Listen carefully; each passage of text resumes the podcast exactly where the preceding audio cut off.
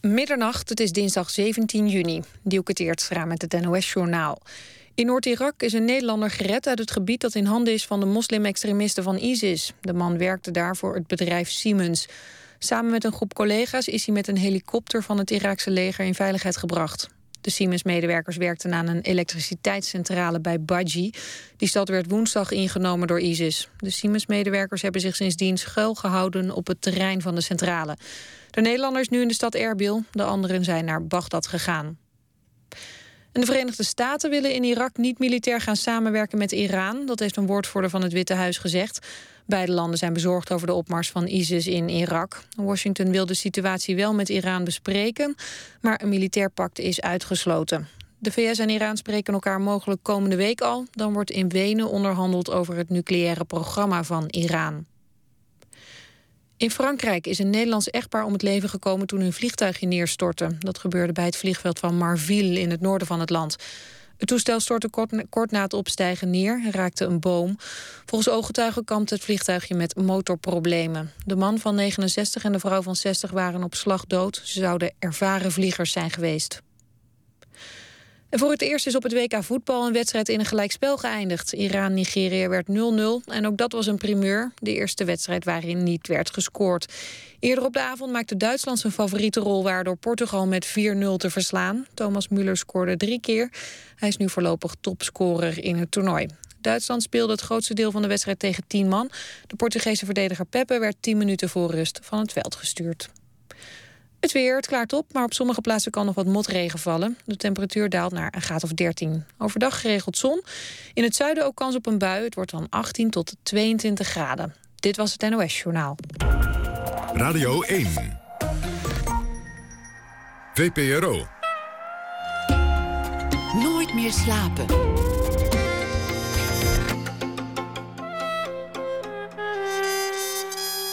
Met Pieter van der Wielen. Goedenacht en welkom bij Nooit meer slapen. We gaan het hebben over Buzz Aldrin, de net niet eerste man op de maan. En over voetbal en over klassieke muziek en over de nieuwe internetrage in China. En u krijgt een verhaal van schrijver Erik Lindner na één uur dat hij speciaal voor dit programma schrijft.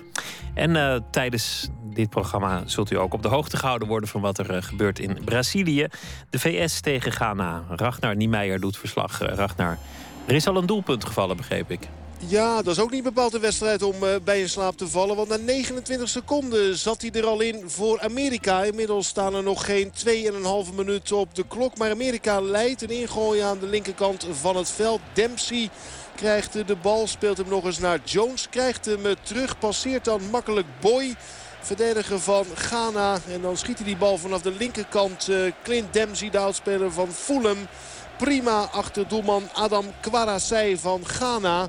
Die ploeg uh, toch op voorhand licht favoriet tegen Team USA. En dat wordt gecoacht door Jurgen Klinsman. Die kennen we natuurlijk uit Duitsland. En hij ging werkelijk volledig uit zijn dak. Want had er toch niet op gerekend. Totaal niet vermoed ik dat hij al zo vroeg op voorsprong zou komen. Dat hij überhaupt op voorsprong zou komen. Misschien wel tegen Ghana. Maar dat gebeurde dus wel na 29 seconden. Snelste goal van dit wereldkampioenschap. Inmiddels staan er ruim drie minuten op de klok in het stadion in Natal. Het stadion Das Dumas. En we gaan eens kijken of dit een voorbode is voor een spectaculair begin. Of een spectaculair duel. Want het begin was dat dus met die snelle Amerikaanse goal wel zeker. Als er uh, meer doelpunten vallen, dan hoort u het uh, zo snel mogelijk. VS uh, Ghana. En we beginnen met schrijfster Anna Enquist. Het nieuwe boek, een week geleden verschenen, heet Quartet. Een roman die de vorm deels ontleent aan de thriller. Maar het is echt een roman over vier leden van een strijkkwartet die elk op een eigen manier teleurgesteld zijn geraakt in het leven. Anna Enquist, 1945, echte naam Christa Windloens, is schrijver, dichter, geschoold pianist, psychoanalytica en sinds vorig jaar ook stadsdichter van Amsterdam. Hartelijk welkom. Dankjewel. En voetballiefhebber, moet ik uh, ook noemen in deze tijd van, uh, Zeker, Ja.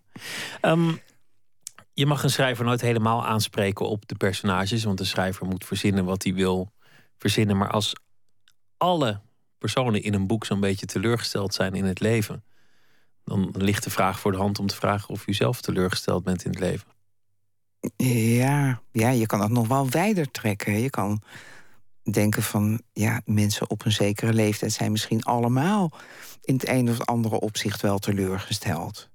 Het hoort natuurlijk toch wel bij de ontwikkelingsgang van mensen. Dat je in de jeugd uh, plannen hebt en fantasieën hebt. En ook nog niet zo'n idee van de praktische problemen die je tegen zal komen. En dat er gaande het leven natuurlijk vervulling komt van sommige plannen, maar ook heel veel teleurstelling van andere dingen.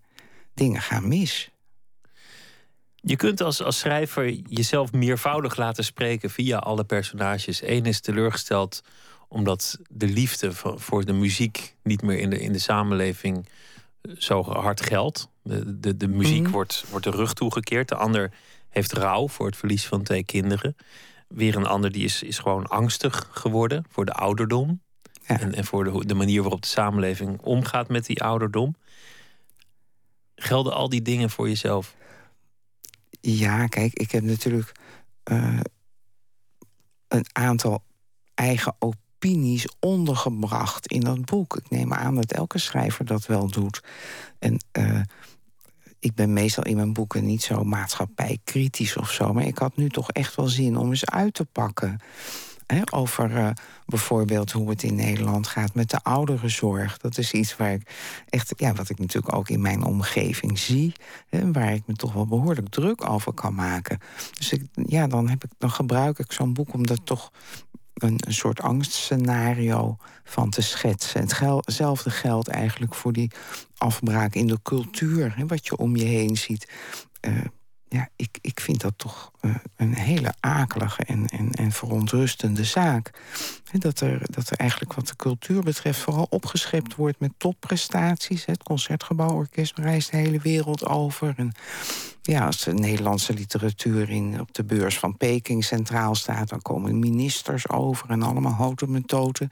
Maar ondertussen uh, wordt de literatuur in, in, het onderwijs een beetje geschrapt. En uh, over muziekonderwijs moet je al helemaal niet meer praten. Dat is helemaal uitgekleed. En maar klagen dat er niemand naar de concertzaal komt. En de psychoanalyse, ik noemde het uh, aan het begin. Ja, die wordt niet eens meer vergoed door de, door de verzekeraars.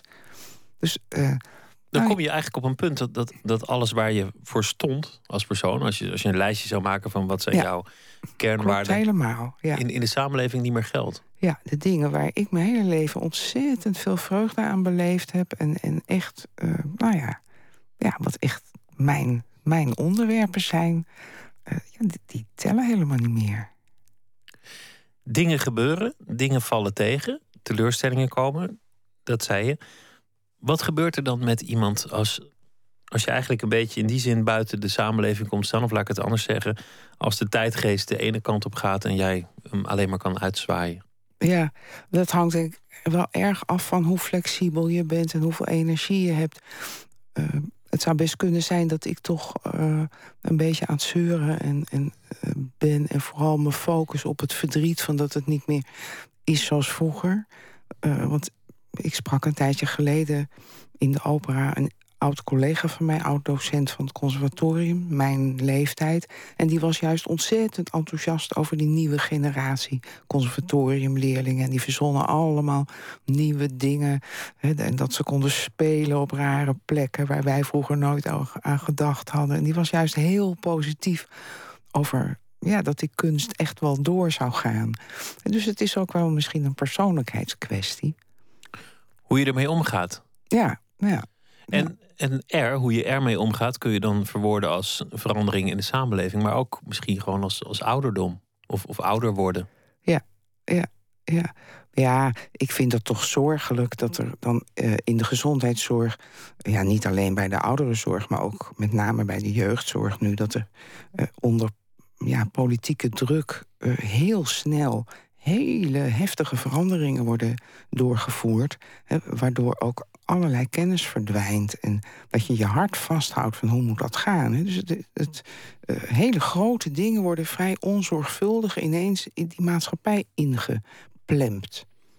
En dat, dat vind ik griezelig. En ja, daarom, dat is ook een van de redenen dat ik die, die oude man in dat boek ontworpen heb. Hè? Die oude cello-leraar die dan zo vereenzaamd in zijn huis zit. En... Die angstig is om in de handen van de ouderenzorg te vallen. Ja, ja. Dus waar de ouderenzorg bedoeld is om zich te ontfermen over zo iemand en, en hem waar hij eigenlijk rijkhalsend er naar uit zou moeten kijken om die, om die ja, hulp te komt krijgen. iemand me helpen. Nee, daar is hij Wil hij juist geen- doodsbang voor. ja. Geen luikje in de deur, want dan zien ze hem eh, als Ja. hij niet open doet. Ja. Een mooi beeld is dat. Ehm, laten we gaan luisteren naar eh, eh, muziek meteen. Want we zitten half in het voetbal, half in de literatuur. Dan, dan kan Bach er ook nog wel bij. Ja. Ik vind het ook een mooie combinatie, voetbal en Bach, op de een of andere manier. Je moet, je moet dingen verenigen. We gaan, allemaal eh, schema's. Hè? we gaan luisteren naar een, een, stuk uit een strijkkwartet. Want het strijkkwartet dat staat centraal in het boek. Daar, daar is heel veel over te zeggen. We hebben eh, gekozen voor een, een stuk van Mozart. Strijkkwartet nummer 19 in C majeur.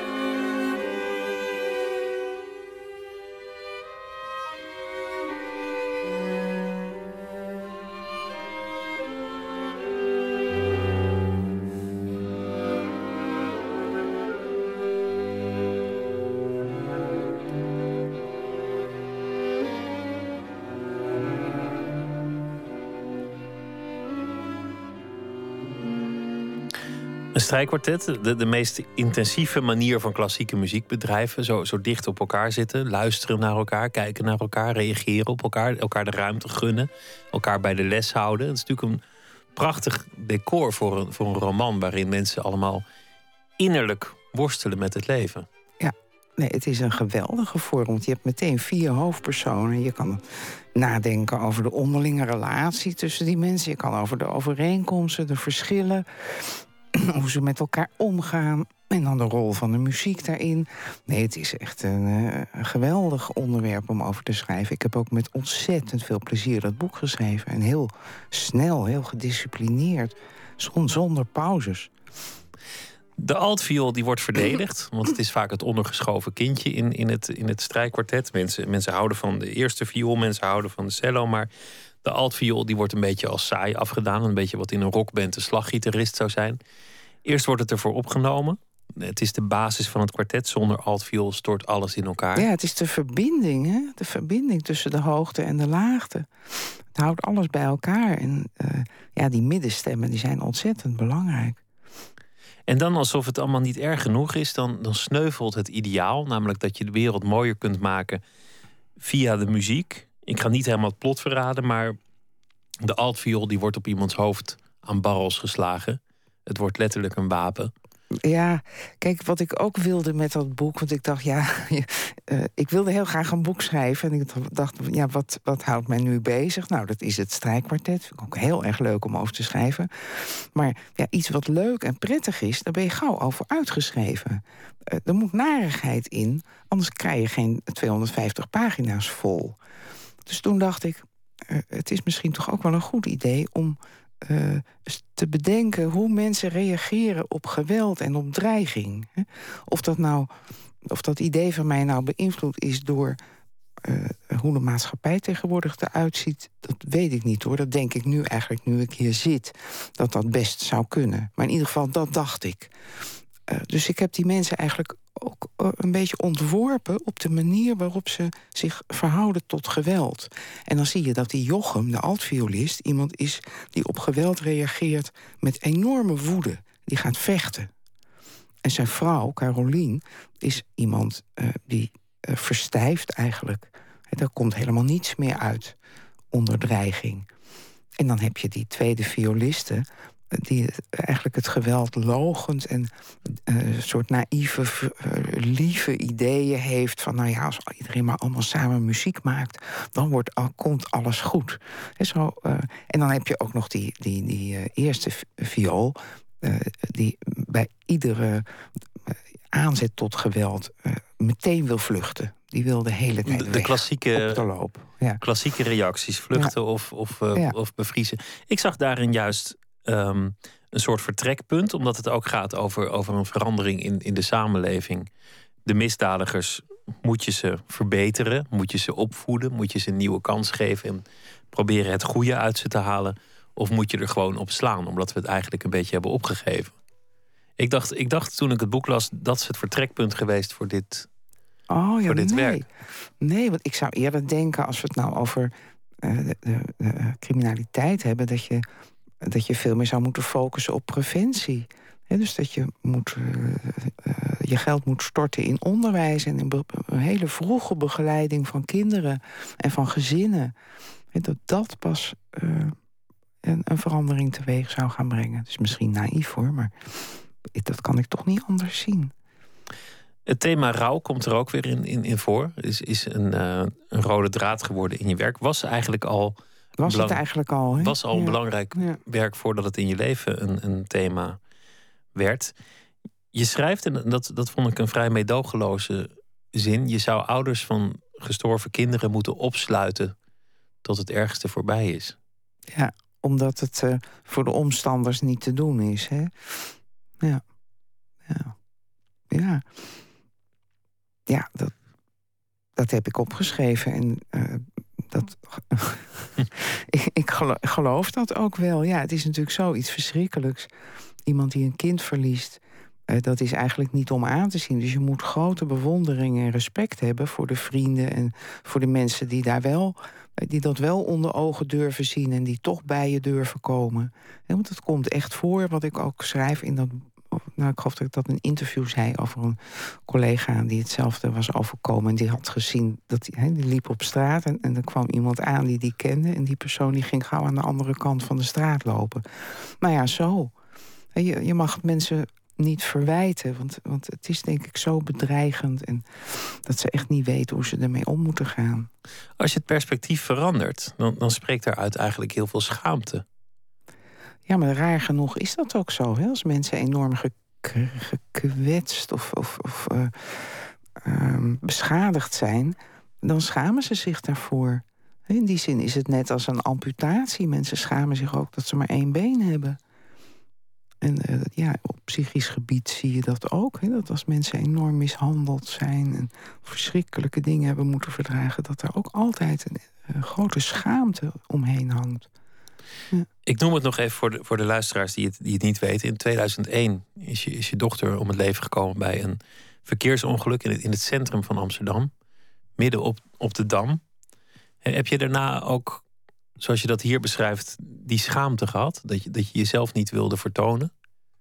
Ja, ik weet, dat weet wel dat die eerste maanden dat ik dat heel moeilijk vond om uh, naar buiten te gaan. Ja. Of met zonnebrillen op. En, uh, ik kan me nog herinneren dat ik een keer dan toch met mijn redacteur in de stad heb afgesproken. En dat hij dan naast me liep over die gracht. Ja, nee, dat kan ik me echt nog herinneren, ja.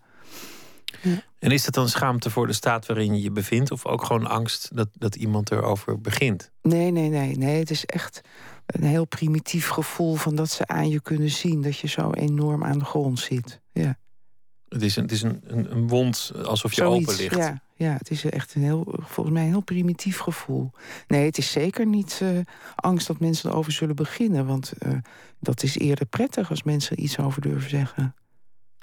Je beschrijft vier mensen die, die teleurgesteld zijn in het leven. Die, die eigenlijk, je zou, je zou het heel hard kunnen zeggen, niks meer op straat te zoeken hebben. Als het uh, zo, zo erg heeft het leven ze behandeld of hebben ze het ervaren.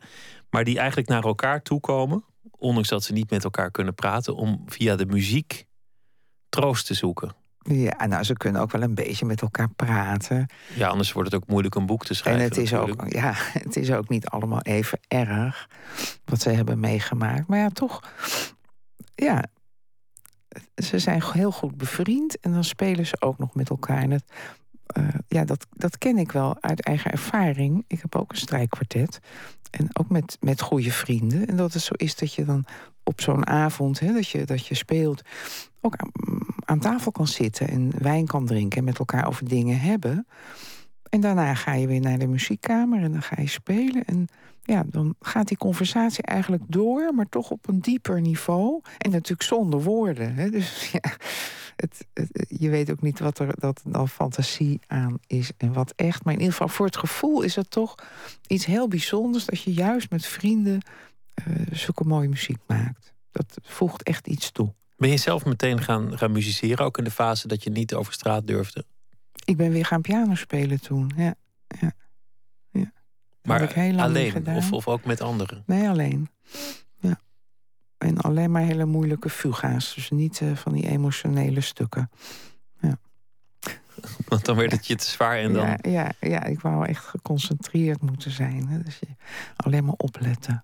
De, de luisteraar moet huilen en, en niet degene die muziceert. Dat zei mijn uh, pianoleraar op het conservatorium altijd, ja. ja. Het is ook zo, als je, als, je, als je aan het spelen bent, dan moet je ontzettend gewoon op de techniek letten. En je moet uh, letten op wat voor klank je maakt. En wat je eigenlijk, hoe, hoe je je fraseringen doet, wat je wil uitdrukken, hoe je die dynamiek opbouwt of afbouwt. Of, dus je bent op, op heel veel niveaus enorm aan het opletten. En daarom kan je even aan niets anders denken. We gaan weer luisteren naar een uh, stuk muziek. En, en dit keer inderdaad piano, Bach, de Goldberg-variaties. Uh, muziekstuk dat, dat voor jou heel veel betekenis heeft. Maar laten we eerst gewoon een stuk luisteren. En de pianist, wie is dat? Ik moet even kijken. Simone Dinnerstein. Oh, nou. Ik heb ook nog nooit van Simone Dinnerstein gehoord. Maar ja, ze speelt Bach, daar is iets voor te zeggen.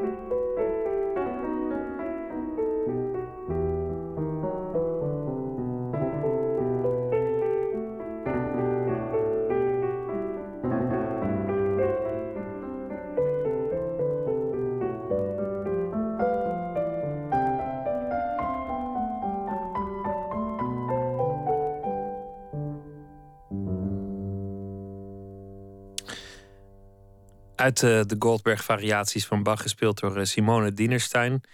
Ik had zelf een wat uh, pittige versie in mijn hoofd. Dat heb je soms. Als je hem kent in een andere uitvoering, dan denk je van. Ja, maar het is met Bach natuurlijk zo. Er staat uh, er staan geen metronoomcijfers bij.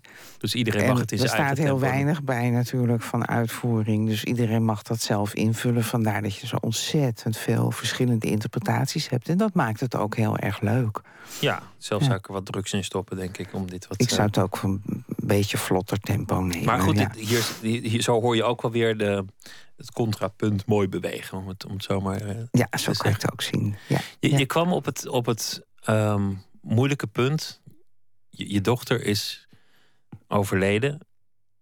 Is bij een ongeluk om, omgekomen. Je wil erover schrijven en dan moet je daar een vorm voor kiezen. En ook een vorm die je zelf als schrijver allereerst aan kan.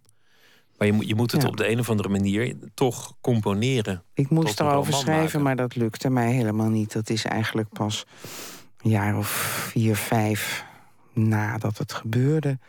heb ik daar een vorm voor kunnen vinden. En uh, ja, ik ben daarbij toch erg geholpen door uh, uh, pianist Ivo Jansen... met wie ik een duo heb dan dat hij speelt en ik lees dan voor. En dan stellen we allemaal muziekprogramma's samen. En ik was dus met hem die, ja, in die jaren dat Margit net gestorven was... ook heel veel op reis. En ik was weer zelf een beetje gaan piano spelen.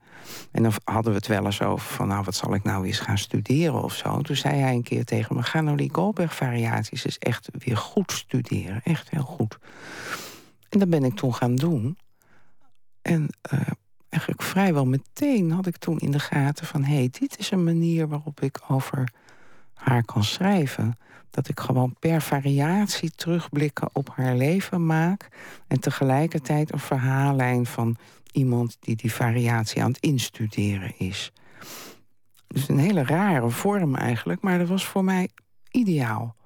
En uh, ook de, het proces van het schrijven, het is ja, toch behoorlijk onverdraaglijk om uh, ja, dat allemaal op te gaan schrijven. En uh, als ik dan niet meer tegen kon, dan ging ik naar beneden en dan ging ik weer verder studeren. En dan had ik ook het idee dat ik werkte, wat ook zo was. Dus dat is eigenlijk toch een hele goede uh, manier geweest. En ik vind zelf eigenlijk dat het mijn beste boek geworden is. En waarom leende juist die vorm van Bach zich zo goed om, om die compositie van het boek aan te verbinden. Want je had natuurlijk ook een, een strijkkwartet van Mozart kunnen nemen... of, of, een, of een symfonie van Nou ja, deze die variaties, dat zijn natuurlijk dertig verschillende delen... met ieder zijn eigen karakter. Dus dat roept... Uh, elke variatie roept weer andere herinneringen of associaties op. Ja, dus ik kon een heel, uh, heel veel facetten uh, van het leven van mijn dochter... kon ik daarmee illustreren. Daar kwam nog bij dat ik heel vroeger uh, dat stuk ook eens gestudeerd had. Toen zij al jong was. En dat zij het heel erg mooi vond. Ze was echt aan gehecht. Dus ik voelde me ook wel met haar verbonden door die, uh, door die muziek. En misschien komt er ook wel bij uh, dat Bach zo'n, ja, waar we het net even over hadden... zo'n vrijgevig genie is. En je mag er heel veel zelf instoppen. Hij schrijft niet veel voor. Ja, de noten staan er. En verder mag je heel veel uh, zelf invullen. Als je het vergelijkt met latere componisten, daar staat er precies bij van waar moet het crescendo worden, waar moet het hard, waar moet het zacht en hoe is het met tempo en zo. Bij Bach staat er helemaal niks. Dus dan ben je veel vrijer. Is het ook een manier om, om jezelf aan banden te leggen als je zo'n moeilijk onderwerp beschrijft? Om het, want alle emotie aan het papier toevertrouwen levert niet per definitie een, een mooi nee, boek op. Nee, dat is wat mijn leraar zei. Hè? Dat uh, de, de schrijver in dit geval moet niet huilen, maar de lezer. Het dus de, ja. de, pianist moet niet huilen, maar het publiek. Ja. En door, door zo'n strakke vorm te kiezen, kan je eigenlijk ook jezelf behoeden voor, voor het grote gevoel en voor het, voor het echte ja, sentiment. Dat is eigenlijk net wat je doet met, als met piano spelen. Dat je, dat je door die je focust op de techniek en hoe je het wil uitvoeren. En dat is waar je op moet letten. En de rest volgt vanzelf. Het is je, je, je beste boek, zeg je zelf. Ja. Het, het is uh, een boek dat, dat in ieder geval heel veel lof heeft gekregen en heel veel aandacht. Daarna ben je gewoon verder gegaan met, met alles wat je hebt gedaan. Ja. Dat geldt natuurlijk ook voor, voor het leven. Dat je, dat je dat het een breuk is en ergens misschien ook niet een breuk, omdat het alledaagse leven toch verder gaat. Ja, maar alles is natuurlijk wel anders geworden. Ja. ja. Maar ja, daarna, na, na het schrijven van Contrapunt, wist ik eigenlijk ook niet uh, wat ik verder met het schrijven moest hoor. Ja, poëzie, dat blijft altijd wel doorgaan, maar dat is natuurlijk maar een hele bescheiden productie. Je schrijft niet elk jaar een bundel of zo. Ja, nu misschien met dat stadsdichterschap gaat het hard, maar in principe schrijf je misschien, als je geluk hebt, tien gedichten per jaar of zo. Hè? Maar met, met die romanschrijverij wist ik het eigenlijk helemaal niet. Dus toen was ik ontzettend dankbaar dat ik van de, het VU-ziekenhuis dat aanbod kreeg uh, om uh, over het ziekenhuis een roman te schrijven. Dat heb ik echt met beide handen aangegrepen. Ik dacht, dat is de oplossing. En toen niet geheel toevallig koos je het thema verdoving. Ja. Anesthesie. Ja. Ja, ja dat vond ik een buitengewoon uh, boeiend thema. Uh, ook gezien mijn eigen vak. Hè. Als, als psychoanalytisch psychotherapeut ben je eigenlijk altijd bezig juist om mensen uit de verdoving te halen. Hè. Dat ze nou ze wel mogen voelen wat er eigenlijk van binnen aan de hand is. En de anesthesist doet precies het tegenovergestelde. Zo gauw iemand pijn heeft, moet er meteen een spuit in. Of, uh... Is ook de meest geliefde van, van alle medisch personeel in een ziekenhuis. Is, mensen zien hem altijd graag komen. De man met de middeltjes, de spuitjes en, en het lekkere gas. Natuurlijk, ja, je bent totaal afhankelijk uh, daarvan. Maar het, het, grappige vond ik wel dat uh, als je aan patiënten vraagt die geopereerd zijn hoe de chirurg eruit zag, weten ze het precies. Als je vraagt hoe de anesthesist eruit zag. Dat vergeten ze. Het zijn hele korte patiëntencontacten die ze hebben, die anesthesisten. Zijn ze ook verlegen dat ze liefst zo snel mogelijk van hun patiënten af willen? Het is, het is een heel diverse populatie tegenwoordig. Ik geloof dat dat vroeger wat anders was, maar ik vind het heel verschillende mensen. Er zitten zeker mensen bij die verlegen zijn. Ja. Dat je denkt, zo snel mogelijk die kap erop, anders gaan ze praten. Ja. Nou ja, Nee, er zitten zeker verlegen mensen bij. Maar het is absoluut geen voorwaarde om anesthesist te worden hoor. Dat je een verlegen type moet zijn. Want er zitten ook hele assertieve, uh, luidruchtige uh, mensen tussen. Ik denk wel dat het heel belangrijk is. Uh, als je anesthesist bent, dat je heel heel, heel lief en vriendelijk voor een patiënt kan zijn, eventjes. want het is toch meestal een hele angstige situatie als mensen daar op tafel liggen. Je bent er om te verzachten. Ja, ja, dus je moet eigenlijk eventjes een soort plaatsvervangende vader of moeder voor een patiënt zijn. Hè? Van ga nou maar rustig slapen en ik zorg ervoor. Ik zorg voor je.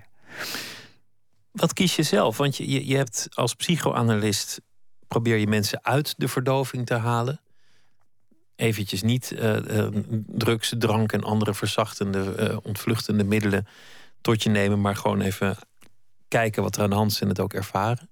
Of de anesthesist die met een zachte handje gewoon even zoek maakt.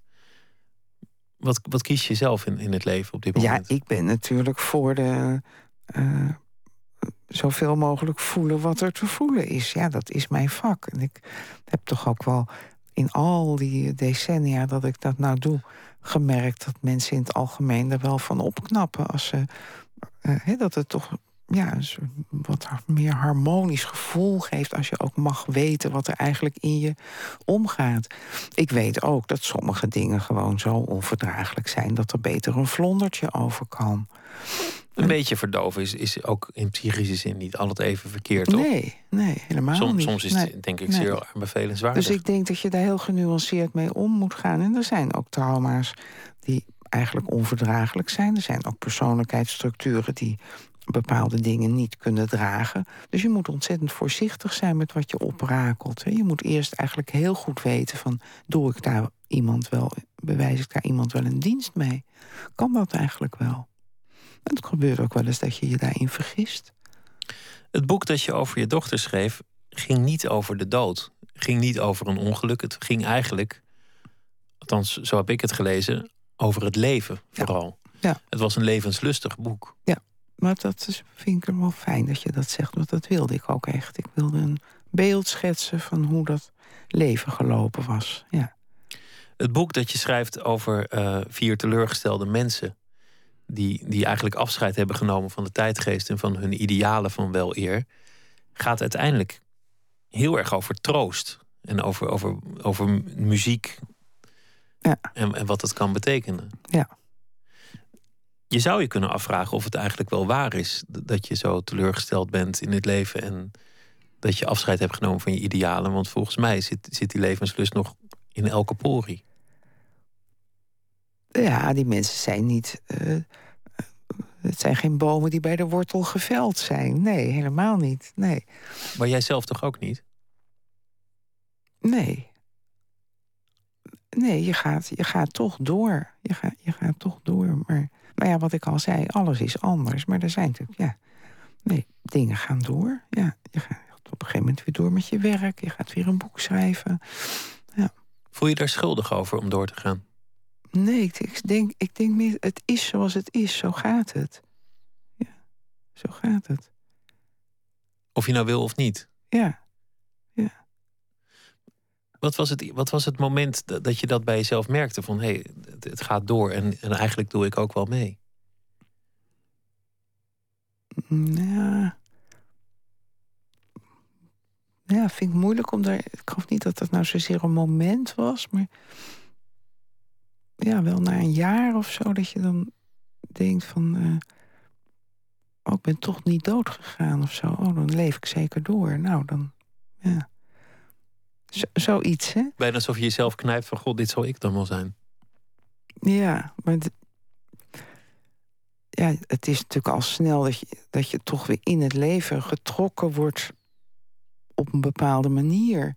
door dingen die er moeten gebeuren. En, en uh, er al mensen om je heen uh, waar, je, waar je je toe verhoudt. En, maar ik denk dat die muziek ook wel uh, heel erg geholpen heeft. Hoor. Dus dat weet ik wel zeker. Dat het, het weer piano gaan studeren heeft mij persoonlijk heel erg geholpen.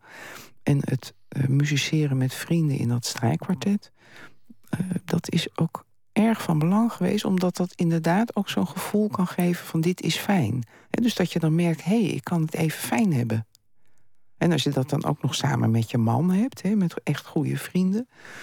Ja, nee, dat, dat, dat heeft absoluut een grote invloed gehad. Dus het is ook niet voor niks, denk ik, dat toen ik dan twee jaar geleden dacht van... moet ik nou toch weer zo'n roman over gaan schrijven? Dat toen meteen dacht, ja, over strijkkwartet.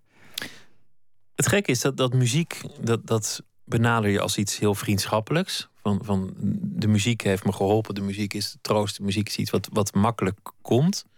Terwijl het schrijven meer iets vijandigs lijkt. Iets, iets waar je jezelf toe moet zetten. Iets, iets waar je tegenop ziet. Ja. En waar je ook een vorm moet voor vinden om, om nou jezelf kijk, aan te houden. Weet je, kijk, dat schrijven. Uh, ik schrijf natuurlijk dingen die worden gedrukt en die worden de wereld ingegooid. En daar gaan mensen iets van vinden. Dus dat is iets. En dat is dan niet meer van mij. Het schrijven zelf, het proces is nog van mij. Maar ja, er zit toch ook al in mijn achterhoofd van... het wordt een boek en dat komt in een winkel en dat komt bij lezers. Terwijl dat musiceren is natuurlijk veel, uh, veel meer in de huiskamer. Kan, hè, dat kan mij dan niet schelen uh, wat iemand ervan vindt of zo. Dat gaat echt wat je er, alleen maar over wat je er zelf van vindt. Dat, hoeft dat niet is wel aan, een verschil. Aan recensenten en ander Nee. voor te leggen. Nee. Nee. En misschien ook wel omdat de muziek eerder is gekomen. Ik heb natuurlijk mijn hele leven muziek gemaakt en, en, en eh, naar het conservatorium geweest en, en, en ontzettend veel aan beleefd. En dat schrijven, dat is een beetje toevallig heel laat in mijn leven erbij gekomen. Dus daar kan ik me ook wat moeilijker mee identificeren. Voetbal is ook een passie. ehm, en Ragnar Niemeyer die zit, eh, die zit voor ons nog steeds de, de wedstrijd te verslaan. VS Ghana. Ragnar, hoe gaat het daar in de tussentijd? Nou, laat ik eerlijk zijn. Die eerste minuut met die hele snelle Amerikaanse goal... was eigenlijk ook de meest spectaculaire minuut. Want we zitten inmiddels op 38,5 minuut. En Amerika leidt nog altijd met 1-0. Wel een kopbal van de spits van Ghana, Asamoah Gyan. Van een meter of zeven. Hij staat recht voor het Amerikaanse doel. Maar die bal gaat toch eigenlijk ruim naast het doel van eh, Tim Howard. Normaal gesproken de keeper van het Engelse Everton in de Premier League. En die neemt nu de keeperstrap. Tegenvaller is het uitvallen van Josie Eltidoor. Die we nog kennen van eh, de goede jaren die hij had bij AZ in eh, Alkmaar. Vertrok naar Sunderland en werd weggestuurd door een andere oud-speler uit de eredivisie. Michael Bradley. En een sprint van Eltidoor op de Ghanese helft. Het schoot erin, een zweepslag. En hij vervangen door Aaron Johansson. Zijn opvolger zou je kunnen zeggen. De opvolger van Eltidoor bij AZ. De man met de IJslandse ouders, maar geboren in Amerika.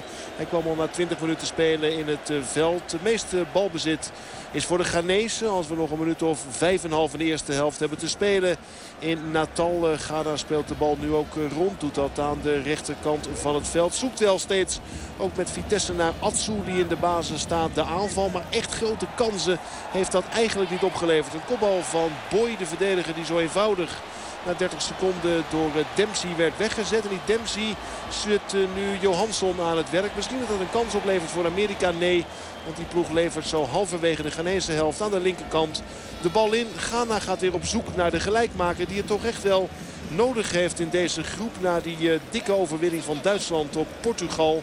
Amerika voorlopig in deze wedstrijd aan de leiding met 1-0. Precies vijf minuten voor de pauze. U luistert naar uh, Nooit meer slapen van de VPRO. In gesprek met schrijfster en dichter Anna Enquist.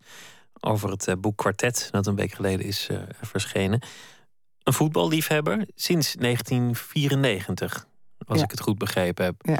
Want dit jaar is het uh, een beetje een feestje voor het tijdschrift Hartgras, literair voetbaltijdschrift. dat bestaat 20 jaar. Uh, al vrij snel was jij erbij ja, betrokken. vanaf het begin was het eerste, erbij, Vanaf het eerste nummer. Ook meteen voor het blad goed om een grote naam binnen te halen. Maar toen was jouw liefde voor het voetbal nog heel vers. Ja, ja ik denk ook wel dat uh, die liefde voor het voetbal enorm gestimuleerd is door die gezelligheid van dat tijdschrift Hartgras. Ik vond dat echt ontzettend leuk. Dat er zaten dan uh, ja, goede schrijvers en hele goede sportjournalisten samen zo'n blad te vullen. En uh, dat, ja, dat waren gewoon ontzettend gezellige, aardige mensen waar je verschrikkelijk mee kon lachen. En nou, dat vond ik nou aardig van de literaire wereld. Daar wou ik uh, wel mijn energie in steken of wel bij horen. Dus uh, dat heeft me zeker wel naar dat voetbal toe getrokken. De gezelligheid. De gezelligheid en ja, ook die manier van werken, hè, zoals sportjournalisten werken, dat ze een tekst moeten maken en het moet gewoon op een gegeven moment klaar zijn. En geen gezeur van ik ben niet geïnspireerd of ik moet in een hut op de hei gaan zitten of zo. Maar nee, het moet goed zijn en het moet dan en dan klaar. Dat vond ik ook wel, uh, ja, dat het een beetje gewoon mag zijn, hè, dat schrijven. Niet zo uh, uh, omgeven met allerlei poeha-toestanden. En natuurlijk ehm, de analyse en de emotie in razend tempo koppelen en ook meteen er woorden aan geven. Ja. ja. Dat is natuurlijk het knappe van, van een sportverslaggever. Dat je, dat je, nou ja, kijk, je kan wel, wel vijf keer goal roepen. Maar dat, dat, dat is toch niet de mooiste vorm. Dus je, je moet daar toch een bepaalde taal aan geven. En, en ook die emotie. En dat razendsnel. Ja, ik vond het ook heel leuk uh, hoe sommige sportjournalisten kunnen schrijven over rare bijverschijnselen van het voetbal. Of over personen, of uh, manier van doen in de kantine. Of uh, denk maar aan schrijvers als, als Michel van Egmond of Marcel van Roosmalen of Hugo Borst. Die kunnen echt heel goed observeren en dat ook nog zo opschrijven dat je er nou ja, dat je echt weet van dit is heel erg goed. En ik moet er ook nog heel hard om lachen. Nou, dat is echt knap, vind ik. Hoe kijk je zelf naar, naar het WK op dit moment? Volg je alle wedstrijden? Nee, nee, nee hoor. Ik kijk met de krant op schoot. ik kijk natuurlijk wel ja, de wedstrijden van Nederland. Maar ik vind het toch moeilijk om zo'n hele wedstrijd uh, te blijven kijken. Ook omdat je maar steeds een stukje van het veld ziet. Het is natuurlijk juist aardig nu met Van Gaal, met die systemen. Zou het mooi zijn als je gewoon het hele veld de hele tijd zag... waar iedereen uh, stond. Dat is aardig als je natuurlijk zelf erbij echt aanwezig bent. Nee, ik kijk dus maar echt heel amateuristisch. Maar ik, ik volg het wel. Ja. Een voorliefde voor de sportjournalistiek. Um, ook voor thrillers, want het, het, laatste boek is echt geschreven in, in de stijl van het spannende boek. Het is een roman, het gaat over, over personage en een innerlijke afweging, maar het heeft wel degelijk een plot en een misdadiger. En, en, uh... Op het eind wordt het heel spannend, ja, maar dan moet je wel heel lang op wachten. Nou, dat viel ook wel weer mee. Viel het mee, ja. Ja. en het vorige boek ging over een, een, Eigenlijk was dat geïnspireerd weer op de doktersroman. Ja. ja. Dat het, heb ik ook altijd een heerlijk genre gevonden, ja. Hoe, hoeveel doktersromans en, en thrillers lees jij op jaarbasis? Ja, nou, de doktersromans zijn er niet zoveel van die leuk zijn om te lezen. Maar ik heb natuurlijk toen voor de verdovers ook echt wel weer wat doktersromans uit de kast gehaald. Ja. Nee, ik dacht, je kan geen boek over een ziekenhuis schrijven als je niet een beetje refereert aan de doktersromans. En uh, ja, nu, uh, voor, ik, ik, lees heel veel detectives. Ja, ja, ik zeg het maar gewoon. Ik denk dat ik één op twee, één roman op twee detectives lees. Ja. Het is natuurlijk een heel apart genre, wat, wat volgens mij ook echt moeilijk is om, om goed te doen. Ik bedoel, als je het één heel goed kan, wil niet zeggen dat je het ander nee. zonder meer zou nee, kunnen. Nee, ik denk een, een echte goede detective schrijven... weet ik helemaal niet of ik dat wel zou kunnen, hoor. Dat, dat is volgens mij echt heel erg moeilijk. Om echt in plot en spanning te denken. En, ja, en dan ook nog dat het een goed boek is. Hè? Dat het, want het, wordt natuurlijk, het worden heel snel ontzettend onwaarschijnlijke verhalen. En je wordt zo meegezogen door die plot dat je weinig tijd hebt om die karakters echt goed neer te zetten. En dan heb je nog het probleem van het verdelen van de informatie. Nee, dat, ik denk dat dat heel erg moeilijk is. Maar ik hoor mezelf praten. Nou, die heeft er wel over nagedacht. Dus, dus misschien dat het er toch ooit nog eens een keertje van zal komen. Een echt spannend boek schrijven. Maar het, het lijkt mij de verleiding om, zeker als je dan uit de psychoanalyse komt, om die karakters veel te mooi te maken voor een spannend boek. Want, want een deel van de spanning zit hem toch ook wel in, in de weinige lagen van iemands personage. Ja, ja. Nee, dat zou ik moeilijk vinden. Ik heb toch de neiging, als ik een karakter schets, uh, dat ik eigenlijk ook graag een hele voorgeschiedenis wil bedenken. Dan heb ik me in dit boek, Kwartet, heel erg uh, ingehouden. Want niemand heeft eigenlijk een gezin van herkomst of een familie. Of, uh, dus dat heb ik allemaal weggelaten. Maar in mijn hoofd doe ik dat allemaal wel. Ja, wat, verklaren hoe het zo gekomen is. Ja, ja, want zo heb ik echt geleerd naar mensen te kijken of zo. Zo doe ik dat. Ja, zo doe je ook, ook, ook een onderzoek. Hè, als je iemand in therapie krijgt, dat je toch uit gaat vragen: hoe is het leven tot nu gelopen? Wat zijn de belangrijke mensen? Hoe is dat gegaan? Nou, dat laat ik allemaal weg. De mensen moeten de karakters maar, de lezers moeten de karakters maar leren kennen uit ja, hoe die mensen zich gedragen en wat ze zeggen en wat ze doen. Dat is toch eigenlijk ook het mooiste als het, als het niet helemaal wordt uitgelegd hoe, ja, het, hoe het in ja, de voor schrijven is, is dat het mooiste, ja.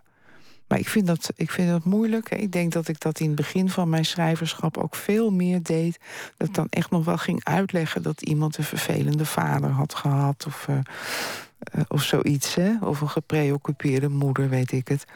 En dat, dat ga ik nou niet allemaal meer zitten uitleggen. En dan zie je alleen maar dan een knorrige hoofdpersoon of zo. Hè? Dan mag de lezer zelf bedenken waar dat door zou kunnen komen.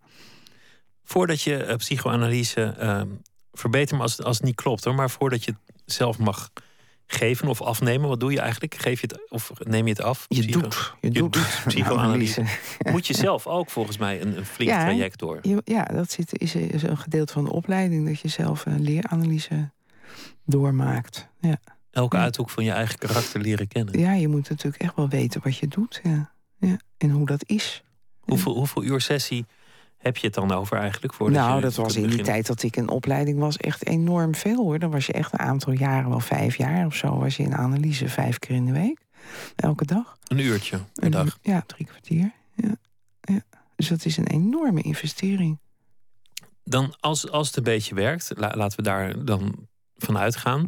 Dan ken je dus aan het eind jezelf van haver tot gort. Dan, dan ken je elke zwakte, elke kracht, elk, elk traumaatje ja, je, het is wel de bedoeling dat je wat meer weet van jezelf dan. Ja, maar ook van het hele proces. Hè, dat je weet, weet hoe echt voelt hoe dat werkt. Als je, als je dat zelf dan uh, weer gaat doen. Dat, uh, met mensen. Hè, dat, je, dat je zelf de analyticus bent. Dat je weet wat, wat de patiënt doormaakt. Maar als je, als je, bij, als je zeg maar dat doorstaan hebt, hè, is, het, is het uit te leggen um, hoe dat zit, die, die, die zelfkennis die je verwerft door, door psychoanalyse? Nou, het, het, zoals je jij er zo over praat, dan krijgt eigenlijk dat begrip kennis veel te veel uh, waarde.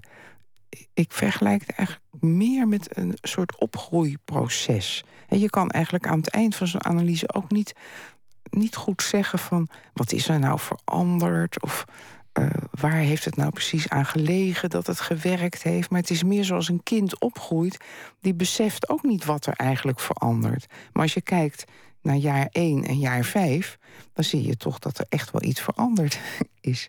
Maar het voelt niet zo, omdat het zo'n natuurlijke, ja, meer een soort groeiproces is eigenlijk. Dat is ook de reden waarom het nu wordt wegbezuinigd natuurlijk. Dat het niet tastbaar is, niet meetbaar. Niet, het is eh, heel moeilijk meetbaar en het is natuurlijk veel te duur en het duurt veel te lang. Maar het, het, gebeurt ook heel weinig. Het is ook een indicatie die helemaal niet zoveel gesteld wordt. Maar wat er wel heel veel gebeurt, is de psychoanalytische psychotherapie. En dat je een, iemand één keer in de week ziet. Of één keer in de twee weken. Of desnoods twee keer in de week een tijdje. Gedurende een aantal jaren. En dan werk je volgens dezelfde principes. Maar het is korter, het is goedkoper. En de veranderingen die, als het goed gaat, die je bewerkstelligt... of die de patiënt bij zichzelf weet te bewerkstelligen... die zijn ook blijvend. dus het is, het is maar de vraag of het, zo, of het zoveel duurder is... dan iemand uh, uh, onder de pillen houden. Dat was in de jaren zestig dat je zelf uh, in analyse was. Reken ik snel uit. Nee, nee. Dat, ik denk jaren tachtig of zo.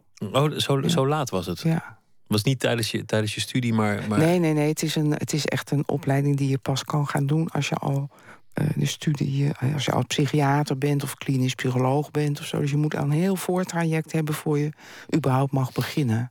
Dus dat was in de, in de jaren tachtig. Helpt het nou als je, want je hebt inmiddels in het leven, nou ja, allerlei dingen voor de kiezer gehad. En, en zoals je het zelf aan het begin zei, je wordt ouder, dingen gebeuren.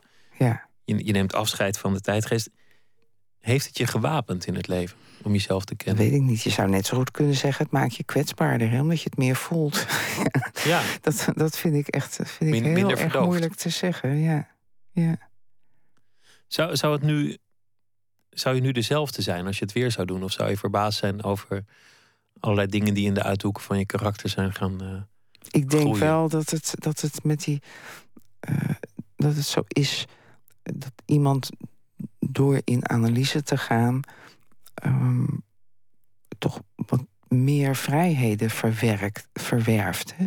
In, in zijn geest. En daardoor ook in de omgang met anderen. En dat er uh, ja, relaties met anderen beter worden. En dat iemand toch meer in staat is om zijn zijn potentieel te verwerkelijken. Daar ben ik eigenlijk wel van overtuigd. En dat geldt ook voor die psychoanalytische psychotherapie. Dus het is heel erg jammer dat de minister dat niet inziet. Nee, want het is belangrijk om, om jezelf te kennen, om, om, om de, de uithoeken van je karakter uh, een beetje te begrijpen. De mensen die je, die je beschrijft in je boek, die zijn eigenlijk heel erg teruggetrokken in hun eigen wereld. Die, die doen letterlijk de deur dicht. En, en die, die zoeken troost heel erg achter, achter de gevel. Ja, maar ook wel bij elkaar. er wordt wel, ook wel gepraat elkaar. met elkaar. In ieder geval proberen ze het. Of je merkt soms dat ze elkaar wel aanvoelen. Of, hè, zoals echte goede vrienden wel kunnen doen. Maar ze zijn allemaal aan het overleven. Ja, maar zijn we dat niet allemaal? Zijn we allemaal gewoon aan het overleven? Ja, zo kan je het toch zien, ja. Dat is een, dat is een vrij minimalistische instelling, toch? Dat is toch wel iets meer dan, dan overleven. Nou, ik denk dat die mensen in dat boek een beetje op een breekpunt zitten. Die zijn, dat zijn natuurlijk allemaal die zijn zo tussen de 40 en de 50. Uh, ehm, nou ja, wat is er nog mogelijk? Wat is er terechtgekomen van de idealen? Hè? Dus dat is een beetje een lastige leeftijd... waarbij dat gevoel van teleurstelling zich natuurlijk wel snel kan aandienen. En toch wel, dat is toch wel iets waar je tegen moet vechten, denk ik. Ja. Want je gaat de wereld niet veranderen en je wordt ook niet veel vrolijker van die teleurstelling. Nee, maar ja, kijk, je voelt het of je voelt het niet. Het is zo of het is niet. Hè? Is een gevoel wat, wat die mensen dan hebben. Nee, en als je ziet, ik heb dat natuurlijk heel overtrokken geschilderd, hoe die maatschappij eruit ziet in dat boek. alles is eigenlijk wel een gaatje erger dan het nu op het ogenblik is. Oh, ik dacht, het is gewoon vijf jaar verder in de tijd. Ja, zoiets. Ja, zoiets. het, het zou dus best zo kunnen gaan worden. Ja. En ik wou ook echt wel laten zien dat ik dat niet leuk vind. En dat dat geen leuke maatschappij is. Hoe het er dan uitziet. Met al die corruptie en nou ja, waar we het eerder over gehad hebben. Die verschrikkelijk zielige oude man die zo bang is. Maar je zegt iedereen is aan het overleven. Je moet toch overleven? Ja, kijk, je, ja, je moet door. Ja, je zit erin, je moet door. En er zijn natuurlijk ook allerlei dingen die je vooruit trekken. Er zijn ook mensen in dat boek die hebben een gezin met kinderen. Dus dat is op zich al een reden om uh, gewoon vier overeind te blijven. En ja, ze willen ook allemaal wel wat. Er is een die heeft toch wel een hartstocht om prachtige violen en altviolen te maken. dus er zijn wel dingen. Maar, ja, hartstocht. Je, moet, je moet ergens je, ja, jezelf mee op de benen houden en, en, doorgaan. Dit is iets opmerkelijks. Je, je werd stadsdichter van Amsterdam en toen werd gevraagd uh, wat je ging doen. En toen, toen zei je, ik, ik citeer het een beetje rommelig, maar je zei van ja, eigenlijk hebben ze mij geen goede, want ik loop altijd de kanker op deze stad. Ja. Nu heb je een aantal van die gedichten geschreven en eigenlijk werd er heel weinig gekankerd. Eigenlijk waren het allemaal gedichten die overliepen van levenslust en, en toch wel een, een vrolijke fascinatie voor die stad. Ja, ik vond dat natuurlijk ook niet zo aardig van mezelf dat ik dat zei. Ik voelde het wel hoor, echt. Uh... Het is ook een heerlijke stad om op te kankeren, Amsterdam. Ja. Maar, maar wat, wat ik uiteindelijk bedoel te zeggen is dat je misschien jezelf wat somberder afschildert of jezelf wat somberder ziet dan je feitelijk bent. Ja, dat zou heel goed kunnen. Want ik geloof dat dat ook werkelijk iets is wat de mens eigen is. Dat je uh, de akelige en bedreigende en nare dingen veel beter percipieert en veel beter onthoudt dan de prettige dingen. Ik denk dat dat gewoon iets is van de evolutie, hè, van de biologie. Wij moeten natuurlijk heel goed kunnen letten op alles wat ons bedreigt, anders overleef je niet. Dan leg je het af. Daarom hebben we ook veel meer woorden voor uh, ellende dan woorden voor blije en rustige toestanden. En eh, zo werkt het in je hoofd ook, denk ik. Dus je, je kan altijd veel sneller bedenken wat je allemaal niet goed vindt... wat er allemaal niet deugt dan, dan uh, wat er wel deugt. Maar het risico is dat je dan, dan in woorden tot de conclusie komt... dat je afscheid hebt genomen van, van, de, van de samenleving en de tijd... en dat je teleurgesteld bent in het leven. Terwijl je eigenlijk van dag tot dag gewoon geniet van alles wat op je pad komt... en vol passie je inzet voor alle nou, projecten. dat is ook nee, dat is toch ook, kan ik me echt niet mee verenigen hoor. Maar met die, ja, met die stadsgedichten. Ik, ik heb wel een paar hele kritische gedichten geschreven. Maar in een gedicht is alles ook wel een beetje verhuld. dus dan, het zit tussen de regels, het venijn. Ja, maar je bent als stadsdichter ook vrij om zelf dingen te kiezen. dus ik heb een gedicht geschreven over dat prachtige schilderij van Beken... dat ineens daar een paar weken in de Nieuwe Kerk hing. Ja, dat, dat is toch gewoon iets fijns. Daar kan je naartoe. En het is weliswaar een enorm somber schilderij. Maar je kan daar een uurtje voor gaan zitten en gefascineerd zijn. Dus dat vond ik wel gewoon prettig om daar dan ook een gedicht over te schrijven. En over Ajax, terwijl Volgens mij ben je Feyenoord. Nee, ik ben een Feyenoord-fan, dus ik werd vanaf het begin al enorm gepest...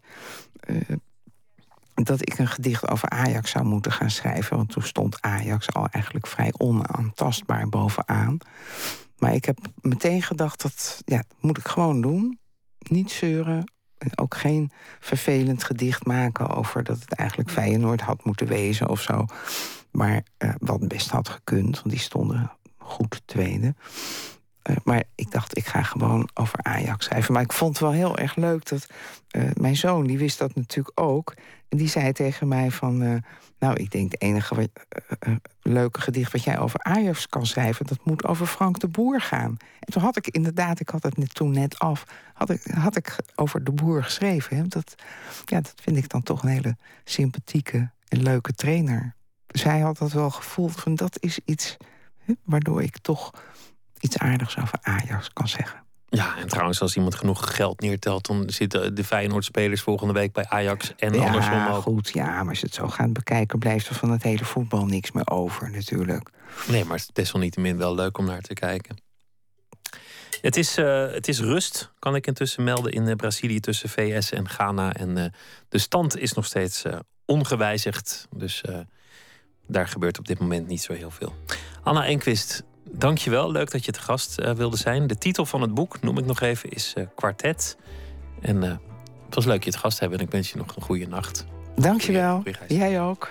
Zometeen eh, gaat Nooit meer slapen verder met nou ja, nog meer voetbal. En we gaan het hebben over Bus Aldrin. En u krijgt ook een, een verhaal van onze schrijver deze week. Dat is Erik Lindner. Nou ja, dat allemaal zometeen. Twitter, VPRO NMS of via de mail nooitmeerslapen.vpro.nl.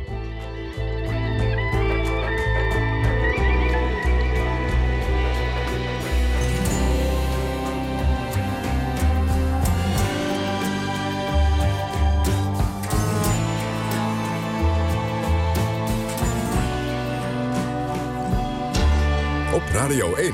Het nieuws van alle kanten.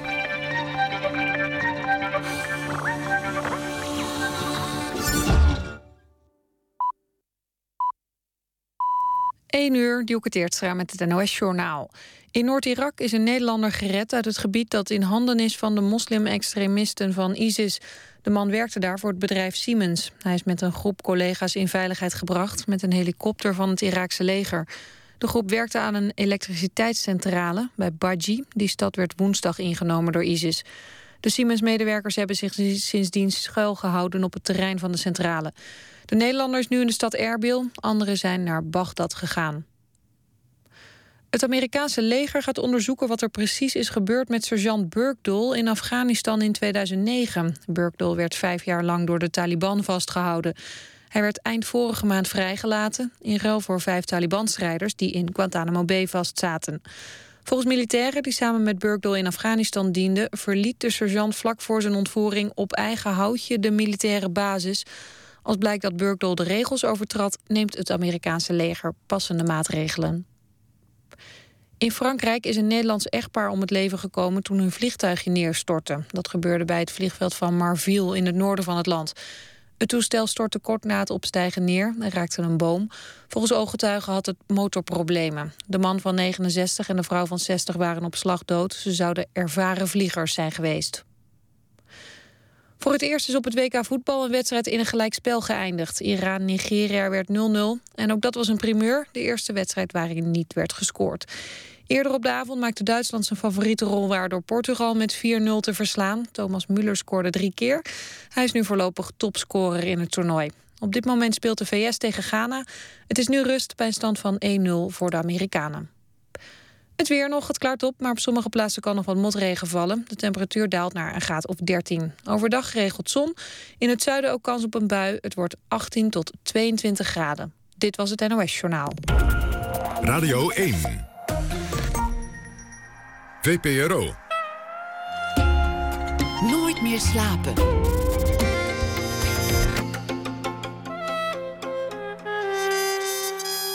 Met Pieter van der Wielen.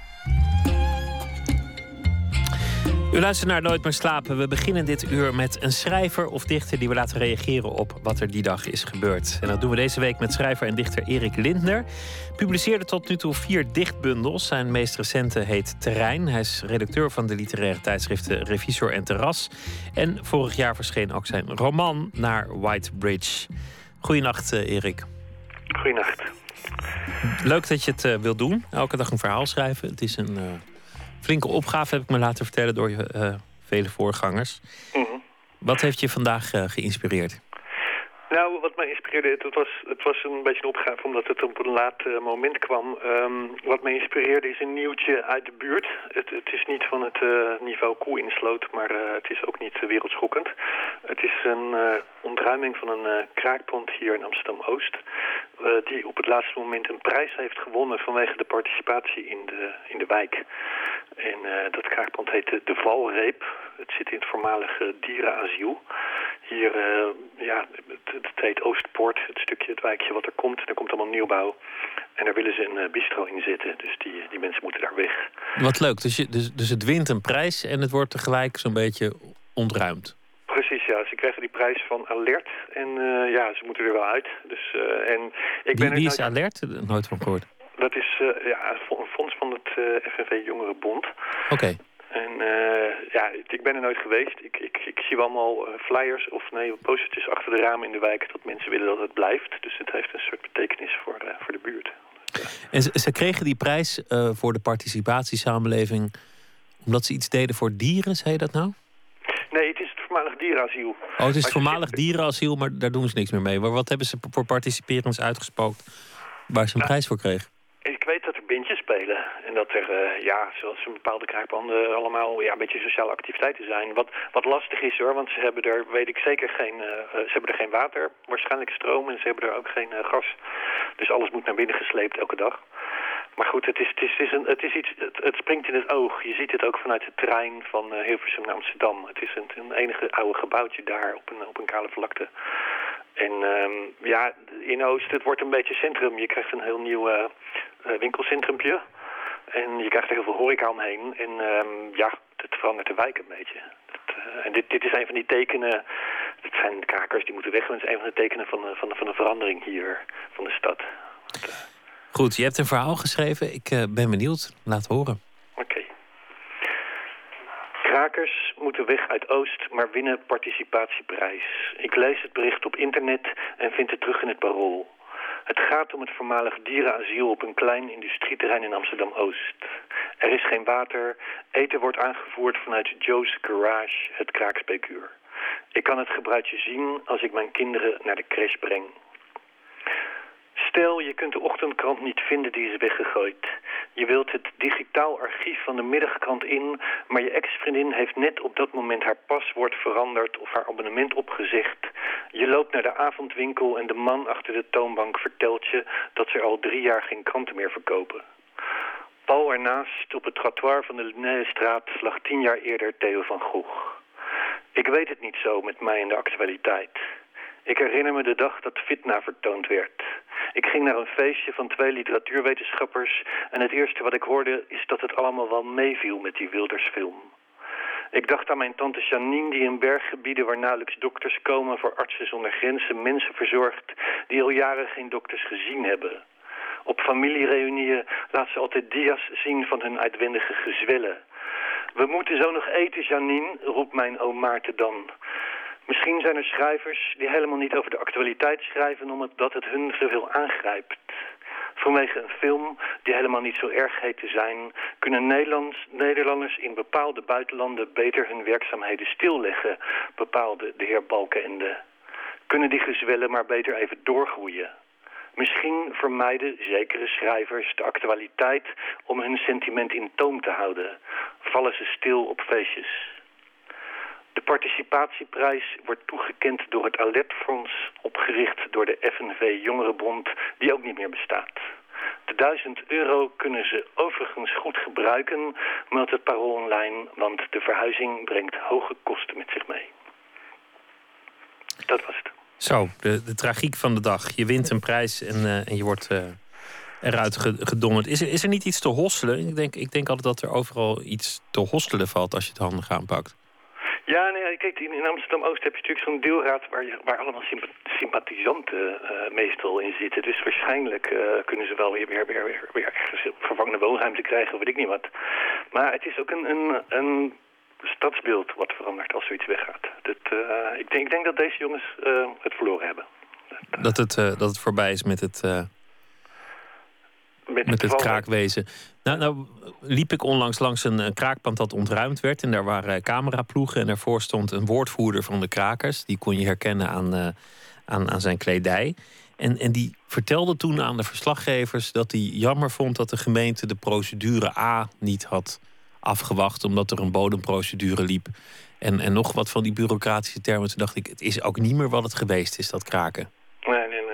Nee, nee. Dat is hier ook. Want ze hebben dan gemikt op um, dat zij uh, konden blijven. Of een soort, dat ze op een gegeven moment het of huur konden betalen. Dat ze te midden van de nieuwbouw die er komt uh, zichzelf konden blijven. En, en ja, dat is ook een miscalculatie. Dat, dat, dat, het gaat, het wordt, wordt meteen vrij politieke onderhandeling wat ze doen. En ja, helaas uh, lukt het, zijn ze daar niet sterk in blijkbaar. Of niet sterk genoeg in. Nee. Maar, Dank voor het verhaal. Graag uh, morgen weer. En uh, voor nu een goede nacht, Erik Lindner. Oké, okay, bedankt. We gaan naar uh, Brazilië, Ragnar Niemeyer. Daar wordt weer gespeeld tussen de VS en Ghana. Hoe gaat het daar? Het staat nog altijd 1-0 voor Amerika. Er zijn pas 2,5 minuut gespeeld in de tweede helft. Een uh, vijf minuten extra tijd erbij opgeteld door de Zweedse scheidsrechter Eriksen. Na de eerste helft vanwege die blessure met name van Josie Altidor. Die er vermoedelijk de rest van dit toernooi niet meer bij is met een pittige spierblessure, een scheuring. En dat is uh, ja, toch een dikke tegenvaller voor Klinsman. Aan de andere kant zijn ploeg staat gewoon nog altijd. Inmiddels na een kleine drie minuten in de tweede helft. Met 1-0 voor na die goal na 29 seconden van Clint Dempsey. Die toch goede dingen heeft laten zien jarenlang in de Engelse Premier League. Goede actie, maar ja toch ook de enige echte goede actie aanvallend van Amerika. Dat eh, de bal nu eh, laat gaan en Ghana neemt over. Er zijn toch mensen geweest, terwijl Amerika via Bradley de oud-Herenveen de bal al lang weer te pakken heeft. Er waren toch mensen die zeiden Ghana gaat de wereld eh, verrassen. De ploeg die de vorige keer in Zuid-Afrika vier jaar geleden heel dicht bij een uh, ja, mooie finale plaats, halve finale plaats was. Dat ging op het laatste moment allemaal niet door naar de hensbal van Suarez. Nou ja, dat verhaal zullen we niet allemaal meer gaan oprakelen. Maar daar hadden ze toen pech, want de strafschop die volgde werd gemist voor een plekje in de volgende ronde. Ze waren er dicht bij de Ghanese. Die eh, de ingooi nu moeten laten aan eh, Beckerman ter hoogte van de middenlijn. Ghana zal iets moeten verzinnen. Ploeg kreeg nog via Adju in de 50ste minuut. In de laatste minuut dus van de extra tijd in de eerste helft. Een grote schotkans op aangeven van Vitesse naar Atsu. Die vrij was op rechts. Maar die bal werd van een meter of 8-9 afstand uh, ja, toch hopeloos gemist door uh. En daar had de 1-1 zomaar kunnen vallen. Je mag het niet uitsluiten dat dat gaat gebeuren. Want de Ghanese hebben wel wat meer de bal in deze wedstrijd dan Amerika. Komen nu via de rechterflank met Opare de rechtsback. Maar een voorzet komt er niet. En dus blijft het 1-0 voor Amerika. Na bijna 4,5 minuut voetballen in eh, het duel tussen Ghana en de Verenigde Staten in Natal. Ze was ooit uh, zangeres van de band Brazilian Girls, Sabina's Cuba. En ze bracht onlangs vanuit Parijs, waar ze resideert, haar eerste soloalbum uit met de titel Toujours. Daarop staat een liedje over uh, de teloorgang van de cinema met de titel Cinema.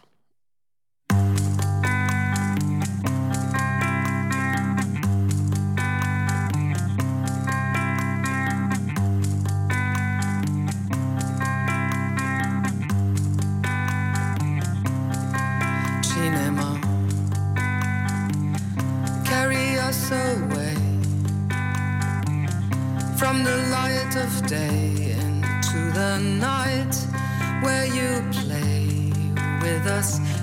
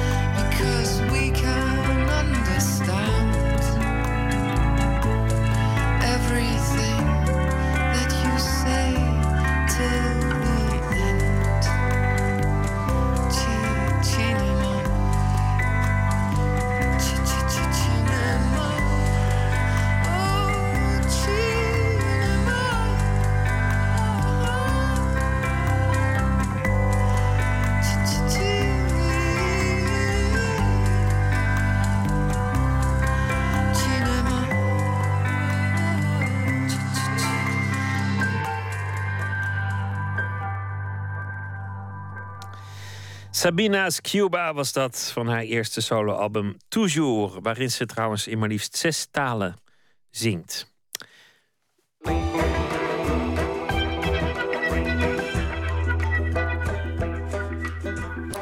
Het gaat eh, de hele dag over Brazilië vanwege het WK. En dus worden op radio en televisie doodgegooid met de altijd prachtige bossa nova muziek. Eigenlijk word je elke zomer wel een beetje om de oren geslagen met bossa nova. Het Braziliaanse antwoord op jazz. Volop te horen in cafés en strandtenten zodra het kwik boven de 20 komt. Lieve gitaren, begeleid met zoete Portugese woorden. Maar wat zingt men eigenlijk in al die liedjes? Maarten Westerveen stapte over de taalbarrière heen om daarachter te komen.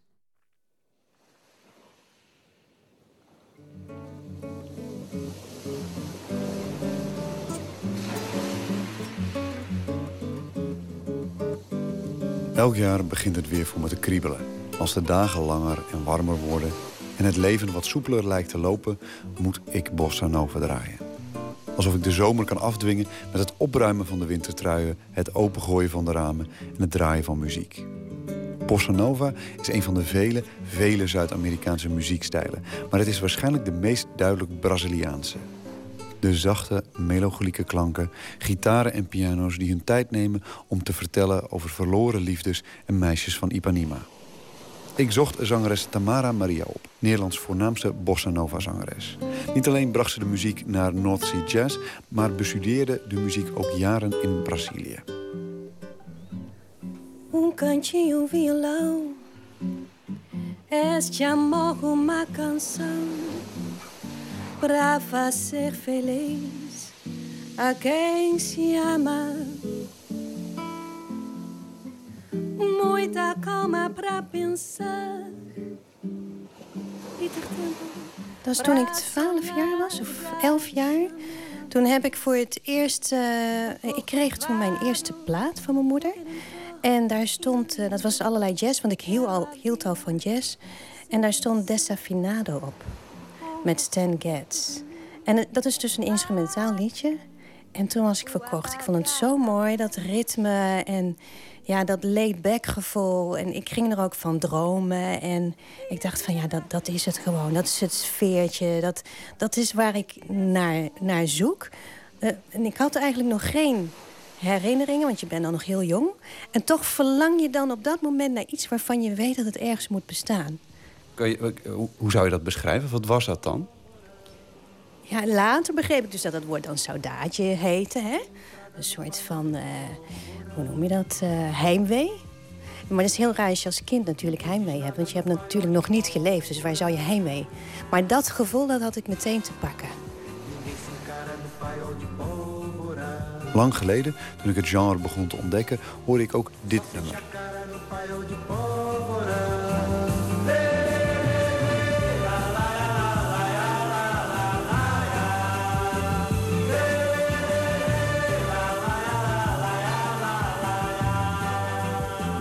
Die vrolijke uithalen bleven in mijn hoofd, maar het nummer raakte ik kwijt. Toen ik het onlangs na lang zoeken op YouTube ontdekte, viel me op dat de begeleidende video zwart-wit beelden van geweld en protesten toonde. Het vertelt over het militaire regime dat in 1964 aan de macht kwam. Riotings against Goulart were frequent. Yet when the end of his regime came, it was through a brief and bloodless military coup. What his successors can do with the almost totally wrecked economy he leaves behind him is a matter of concern to the entire Western Hemisphere. De coup waarbij de linkse president Goulart werd verwijderd... markeerde een omslag in Brazilië. En de zachte klanken van de bossa nova kregen een scherpere ondertoon. Met name uh, kunstenaars, alle soorten kunstenaars, schrijvers, journalisten, uh, muzikanten, uh, zich niet meer vrij konden uiten. En en boodschappen konden het volk eigenlijk niet meer bereiken. En er was eigenlijk alleen één manier om het volk wel te bereiken. En dat was door middel van liedjes met een dubbele bodem. Waardoor, uh, uh, waardoor die uh, muzikanten of die, die schrijvers, die songtextwriters... die konden niet opgepakt worden. Want feitelijk zeiden ze niks verkeerd. Maar aan de andere kant waren er wel boodschappen van... trek ten strijde.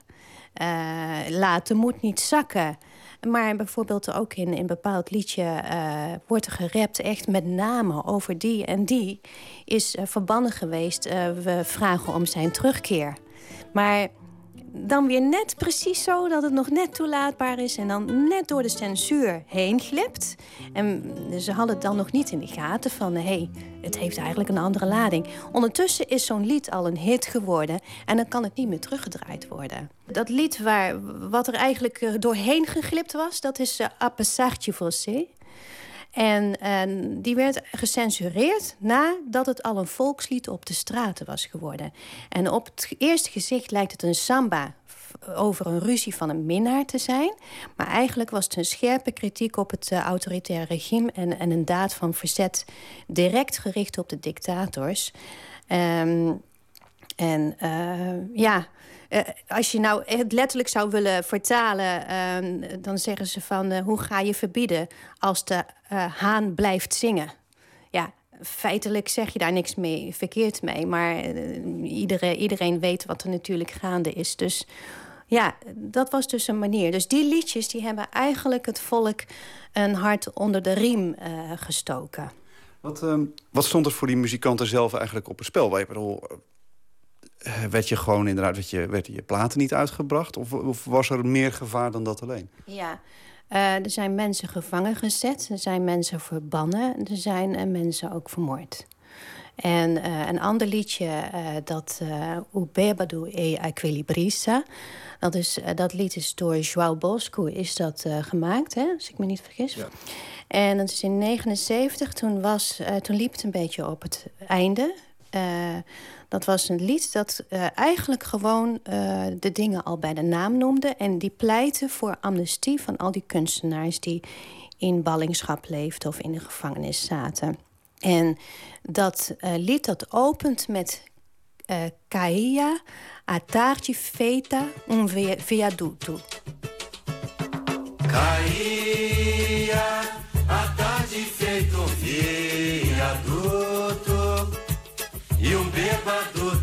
trajando luto Me lembrou Carlitos, a lua Tal qual a dona do En um, viaductus, een viaduct, dus een brug in Sao Paulo.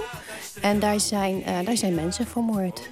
Twintig mensen. Je moet een beetje denken aan uh, wat er toen in decembermoorden is gebeurd in Suriname. Zo, zoiets moet je daarbij bedenken. En dat was een van de eerste dingen, daden van de regering... die uh, het, het, het land ontzettend in shock heeft gebracht. Dus dat is een heel lang lied. En ik heb het eens een keertje gespeeld met, um, ja, met, met, met muzikanten die dus niet, zoals wij twee in uh, de Braziliaanse muziek waren verdiept. En die zeiden: hey, laten we O Beba Equilibrista lekker op een uh, feestelijke manier, lekker samba, leuk, hoi, lekker, uh, lekker tempo erin. En zei nou, nee, dat, dat wil ik eigenlijk een stuk langzamer. Want die tekst, die, die kan ik er niet zo 1, 2, 3 luchtig uitgooien. Dat is, dat is een, een hymne geweest. Ja, maar het is toch een lekker liedje? Ik ja, het is, het is een lekker liedje in eerste instantie. Maar um, als je weet wat er allemaal wordt gezegd... Dan, uh, dan is het allemaal niet zo lekker meer. Dus er wordt ook in het lied gepleit voor de terugkeer van, um, van uh, een socioloog... die verbannen is geweest... Um, er, wordt, um, er komt in het lied komt iets, uh, de huilende moeders van, van, uh, hè, van zonen die uh, zijn verbannen of gemarteld. het gaat over martelingen. Um, ja, dus, dus allerlei misstanden worden er wel. En ik denk dat dat lied net wat minder eh, al een blad voor de mond durfde te nemen. Want het was in 79 en in begin jaren 80 is dus afgeschaft. Dus um, waarschijnlijk begon het uh, regime al een beetje ten val te raken. En was dus dit de laatste stoot door naar die amnestie. En die is kort daarna ook echt uh, doorgebroken.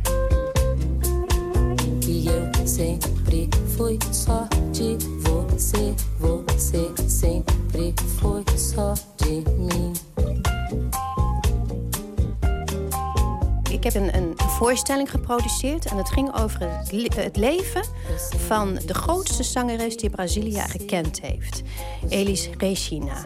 En zij, zij leefde in die tijd en zij heeft dus daar onmiskenbaar ook mee te maken gehad. En zij was de populairste zangeres van Brazilië en daarom moest zij in opdracht van de regering moest ze het uh, nationale volkslied zingen. Andere kunstenaars, haar hele vriendenkring, hebben haar daardoor, uh, hoe noem je dat, verguisd, hè? Zij, uh, ja, zij, zij hulde met de vijand en zo. Dat vond ze verschrikkelijk. Maar heel veel kunstenaars die werden uh, via hun familie bedreigd. Als je dat niet doet of als je je mond niet houdt... dan doen we jouw familie iets aan.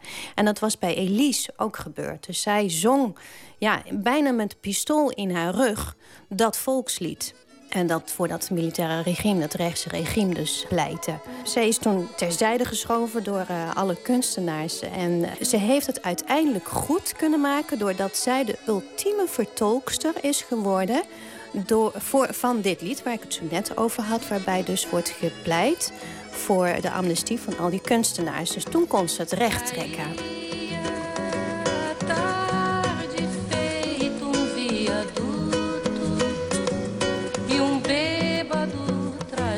Nadat zij is overleden, is uh, niet lang daarna is ze overleden, is het door een, een heel voetbalstadion met gevuld, nou ja, je weet hoe die voetbalstadions van uh, Brazilië eruit zien. Kan je je voorstellen, gewoon zo'n heel voetbalstadion gevuld met allemaal mensen voor Elis Regina, die overleden is. En die hebben allemaal dat lied gezongen. Nou, dat is gewoon natuurlijk kippenvel. En um, dus het is eigenlijk haar lied geworden. En het is het, het lied van Brazilië geworden. Het bevrijdingslied van Brazilië. En dat kon dus in mijn show, uh, Tribute to Elis Regina, kon dat niet ontbreken. Dus ik ben helemaal in dat lied gedoken. En toen kwam ik dus eigenlijk achter wat er dus eigenlijk allemaal gebeurd is in Brazilië. En die schaduwzijde. En dat ook heel veel Braziliaanse liedjes dus niet uh, over zonneschijn gaan. Überhaupt eigenlijk al niet. Wij denken dat allemaal, maar dat is, dat is eigenlijk überhaupt niet. Er zit altijd een soort van ondertoon in. Toch blijft dat raar, hè? Dat je dus aan de ene kant die, die, die, die, die, die mooie klanken... en toch die, die, die, die, die bedrieglijk scherpe teksten eronder hebt. Wat is nou voor jou een van de beste voorbeelden... Um, waarbij dat zo is. Hè? Wat is dan voor jou een van de beste voorbeelden... waarbij die, hè, die, die ogenschijnlijk uh, zoete klanken... eigenlijk een hele scherpe, soms misschien zelfs wel politieke boodschap verbergen? Ja. Nou, eigenlijk het beste voorbeeld is eigenlijk het lied Commissartje Novo van uh, Ivan Lins. En um, Ivan Lins die was bij ons op het conservatorium...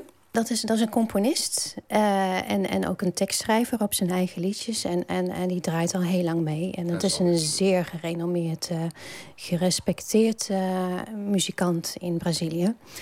En um, omdat hij zo'n grootheid was, was hij ook uitgenodigd op het conservatorium in Amsterdam. En hebben we allemaal aan zijn lippen gehangen.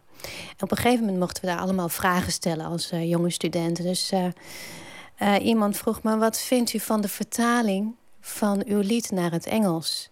En toen kwam er een ja, nogal verachtelijke trek om zijn uh, lippen. Waarbij ik zoiets had van, nou, doe die man niet pijn om het nog, nog eens te moeten zeggen. Maar in ieder geval, hij heeft het dus ook wel gezegd. Uh, hij zei van, het gaat helemaal niet over hoe ik het lied had bedoeld. Want het lied gaat over... Um, de eerste laag is eigenlijk uh, een relatie uh, waarbij de ene onder de ander leed. Onder de, de, de, de macht en, en de dominantie. Hoe gaat die tekst ongeveer? Uh, Commissarci novo e contar comigo vai valer a pena já ter te esquecido. En op een gegeven moment komen de dingen in voor... ik ga verder, sem tuas esporas. En dat betekent zonder jouw klauwen in mij. Sem o teu domínio, zonder jouw dominantie. En um, nou, zo gaat het maar door. Zing dit, zing dat, zing zo, zing zo. En dat geeft dus al aan van het is allemaal uh, veel, veel zwaarder. Het gaat over het afwerpen van een juk uh, van, van een overheerser... en daarna verder gaan met de wederopbouw. Dat, dus dat lied is ook geschreven uh, na de onderdrukking van... we moeten alweer opnieuw. En het laatste tekst gaat over dat ze het ook al achter zich hebben gelaten... en weer verder gaan. Vai, minha tristeza, e diz a ela que sei ela não pode ser. Wat is de reden dat ze toch zo, zo ogenschijnlijk vrolijk aankleden?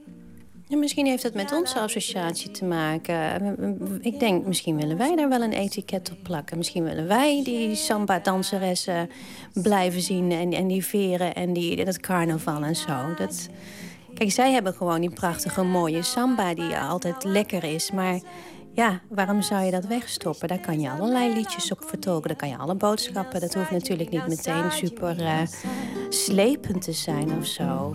Mas se ela voltar, se ela voltar, que coisa linda, que coisa louca. Pois menos peixinhos a nadar no mar do que os na sua boca. Dentro meus braços. Bossa Nova-zangeres Tamara Maria over de politieke kant van Bossa Nova. Een bijdrage van Maarten Westerveen was dat. Ghana tegen de Verenigde Staten, of andersom, Ragnar Niemeyer.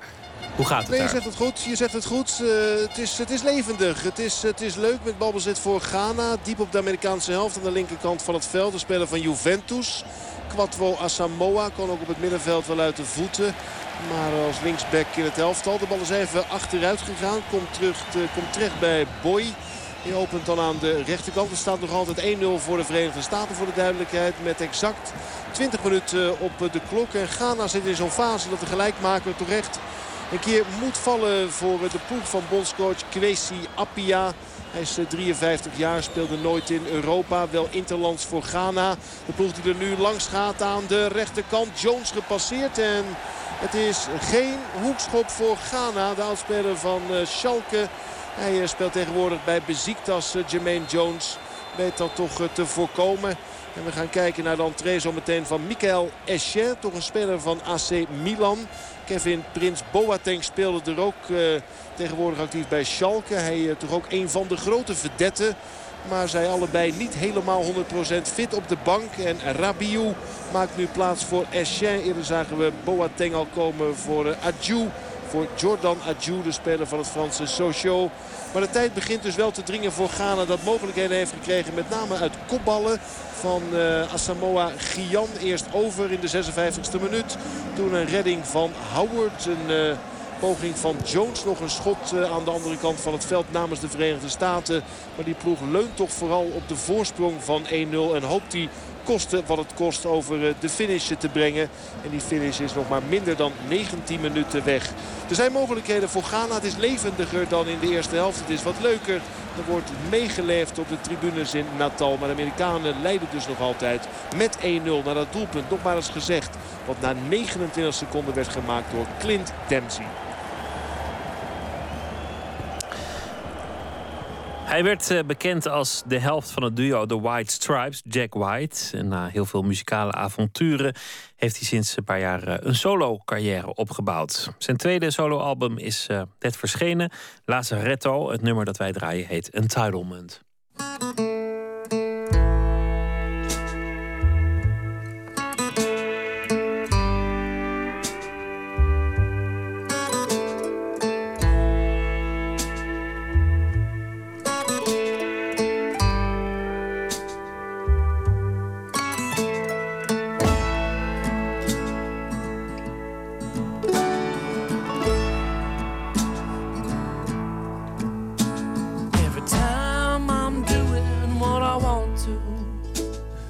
Somebody comes and tells me it's wrong. Whenever I'm doing just as I please, somebody cuts me down to my knees. Yeah, somebody cuts me down to my knees. In a time when everybody feels entitled, why can't I?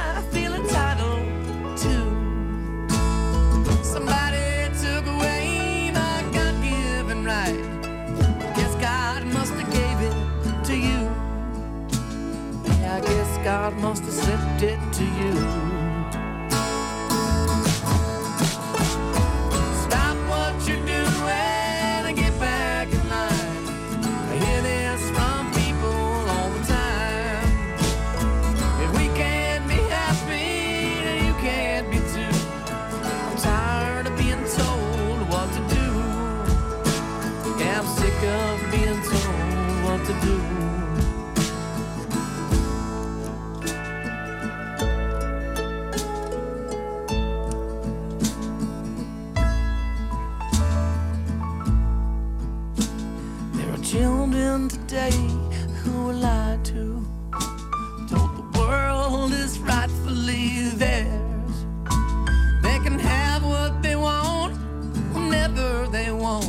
Take like Caesar and nobody cares. Live like Caesar and nobody cares. I can't bring myself to take without penance or atonement or sweat from my brow. Though the world may be spoiled and getting worse every day, don't they feel like they cheated somehow? I feel like I've been cheated somehow.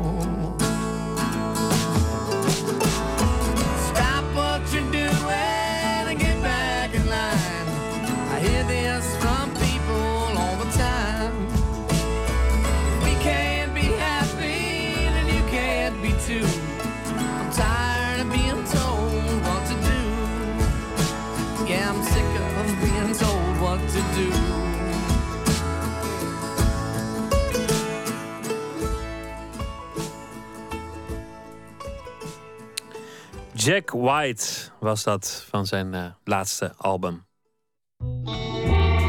Nooit meer slapen.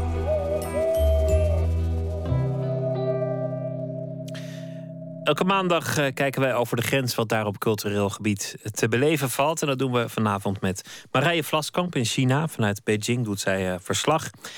Goedemorgen voor jou. Het is zeven uur later, dus de dag is daar al, nou ja, redelijk op de rails, naar ik aanneem.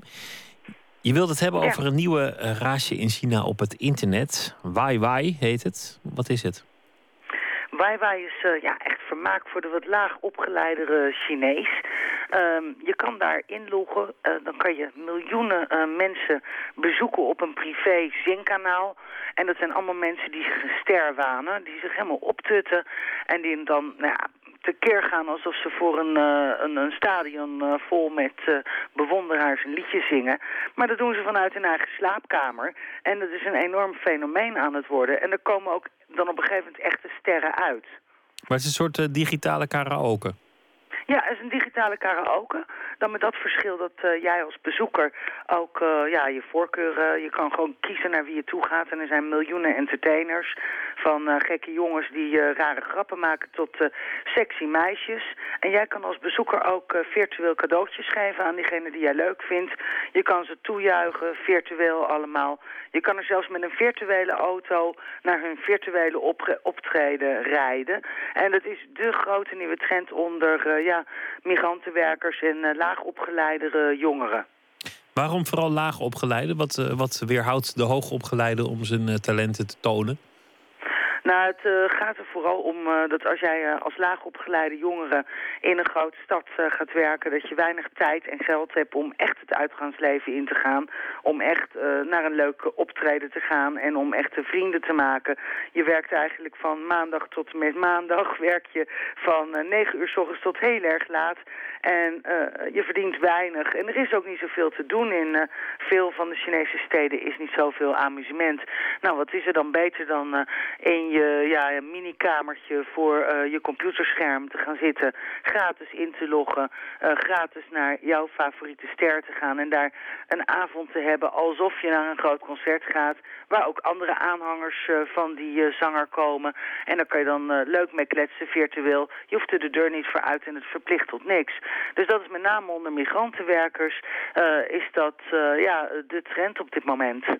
Laten we eens luisteren wat voor eh, moois dat eh, oplevert. Het beeld moet je erbij denken. 嗯，给你们唱一首快节奏一点的歌。嗯，唱的有点累啊，这两天唱的。哦，我最近肯定会瘦的。我现在每天晚上都睡不着觉，你知道吗？我不知道为什么。竟然却越来越看到了迷惑。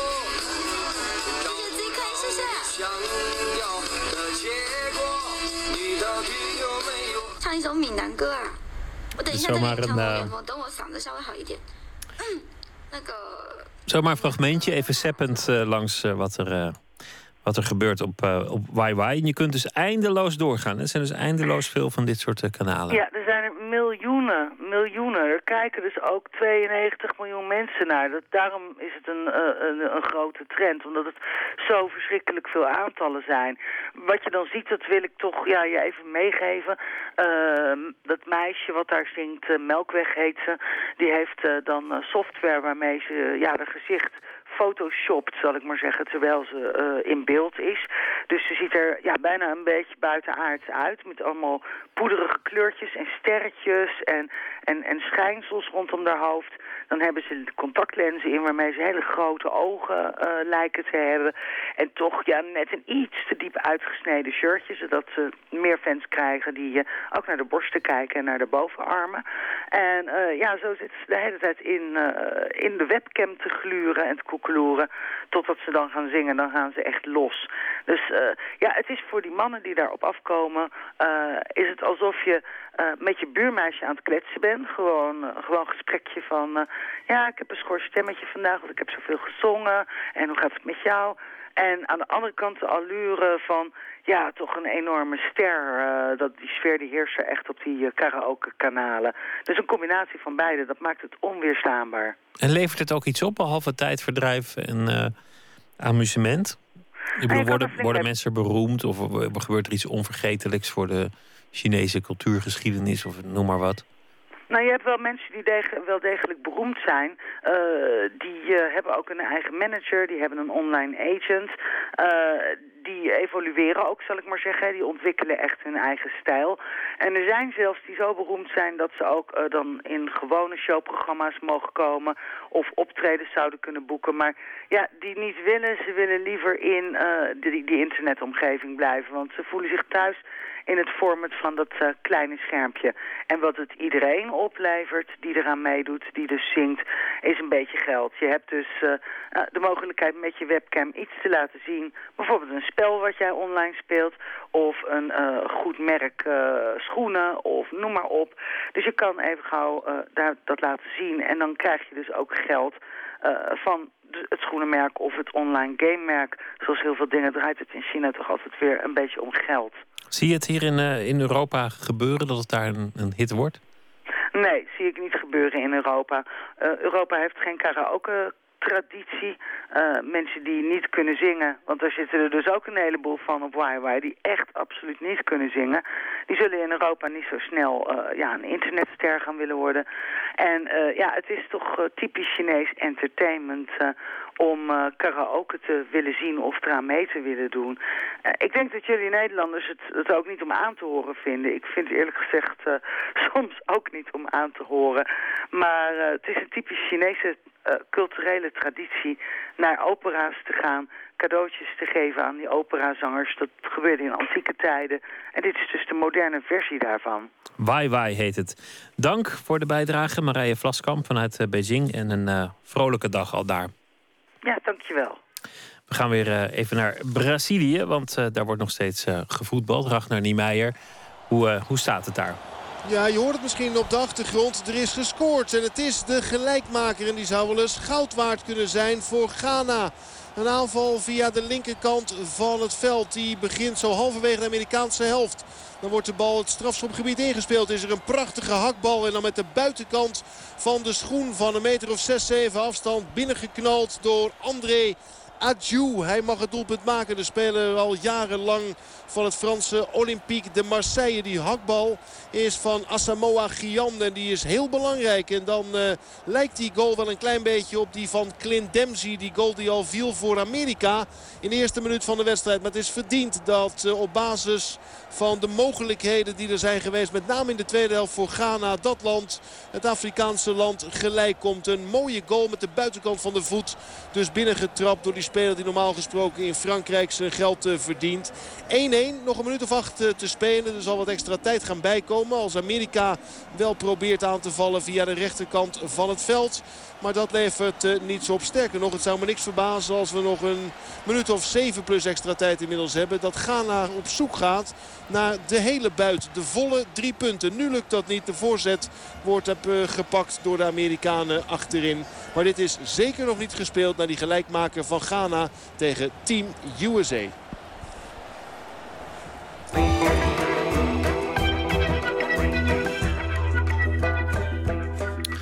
Op Terschelling begon afgelopen weekende het jaarlijkse Oerol Festival. 21 theaterpremières in bossen, duinen, schuren en op de stranden. Cultuur en natuur gaan hand in hand op Terschelling. We doen de hele week in dit programma verslag vanaf het festival. Verslaggever Botte Jellema is daar.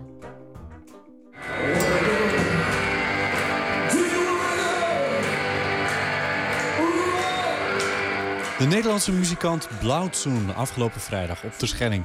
Hij speelde bij de opening van het Oerol Festival. Vanaf dan wordt tien dagen lang over het hele Waddeneiland op 38 plekken theater gemaakt. Er zijn op ruim 25 andere plaatsen culturele bijzonderheden te zien of mee te maken. Dat gaat al 33 jaar zo op de Schelling en het trekt meer dan 50.000 bezoekers. We zijn hier op de Betonning. Dat is een, een, een opslagplaats van uh, Rijkswaterstaat. Waar allemaal tonnen en boeien die normaal gesproken in de zee drijven ja, opgeslagen worden. We gaan hier het experiment zoeken. We, we, maken hier een laboratorium. En die bands, maar ook het publiek staan dus echt letterlijk tussen de tonnen en de boeien op dit terrein. Dat zegt muziekprogrammeur Harry Hameling van Oerol. Blauwtsoen speelde op een nieuwe plek voor Oerol op het eiland, de Betonning. Dat is een locatie in de haven. Er staat een grote muziektent die voorheen op het Groene Strand stond. En dat leidde gisteren nog tot een klein protest van liefhebbers van het oude Groene Strand. Maar Oerol wil daar geen muziek meer, geen massa's mensen en geen brullende generatoren. De omheinde dansweide was niet sterk genoeg verbonden met de plek. Het kan ook ergens anders. Deze beslissing heeft direct te maken met het thema van Oerol, Sense of Place. En het Waddengebied is eigenlijk het achterland van uh, Leeuwarden culturele hoofdstad. Zoals de Provence achterland was van Marseille culturele hoofdstad. En hoe mooi is het dat juist Oerol, na 33 jaar expertise alle kracht in kan zetten en alle kennis in kan zetten... om van het Waddengebied niet alleen een werelderfgoed, maar ook een cultureel erfgoed te maken. Joop Mulder, oprichter en artistiek directeur van Oerol voor de NOS-microfoon. Sense of place betekent zoveel als gevoel voor plaats. En dat kan slaan op de geografische karakteristieken van een plek... maar ook op hoe zo'n plek op mensen overkomt. Het is nu voor het tweede jaar het thema van Oerol... en dat kon het ook nog wel eens blijven. Het eiland de Schelling speelt de hoofdrol op het festival. Maar het staat sinds vijf jaar met het hele Waddengebied op de UNESCO Werelderfgoedlijst. Midden in een gebied van grote ecologische waarde... komen 50.000 mensen naar een festival. Op 50 plekken, vaak midden in de natuur, wordt kunst gemaakt. Bron van voortdurende spanning. Maar de organisatie omarmt het landschap en deze spanning... met het thema Sense of Place. Oerol weet dat de locatie hun kracht is... maar ze kunnen niet bestaan zonder in te grijpen in het landschap. Op het Groene Strand is nu een kunstproject dat de vorming van kwelden toont. Essentie is dat we natuur en cultuur op een nieuwe manier samenbrengen. Met willige tenen worden een soort dammen gemaakt... die van bovenaf een Mondriaan voorstellen. Mondriaan heeft 100 jaar geleden precies een tekening gemaakt. Dat heet Pier in Ocean. Een mooie open structuur, een abstractie van de zee en van een boom. En dat hebben wij als inspiratie gebruikt. En 150 bij 150 meter is het een landschap van dammen. En allemaal bogen die in lange lijnen staan. En onderaan is het dichtgeweven met klein materiaal. En dat vangt als het ware, als de vloed erin komt, het zand en dat slaat neer. En daarmee laten we het proces van landaanwinning, wat Nederland bekend op staat natuurlijk, op een nieuwe manier zien. En zo komen we bij de voorstellingen. We beginnen bij het begin, de openingsvoorstelling. Die wordt gemaakt door toneelgroep Oostpool op het meest oostelijke deel van het eiland waar je kan komen, bij de Wierschuur. Ik ben af en toe wakker. S ochtends, nachts. Ik word wakker van geluiden. Stemmen, de radio. Hafstein komt een paar keer per dag met eten. En gaat aan mijn bed zitten en praat tegen me. Maar ik zeg niks terug. Ik ben een oester op het droge.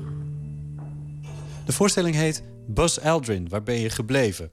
Aldrin liep achter Neil Armstrong aan in 1969. Ja, dat was de tweede man op de maan.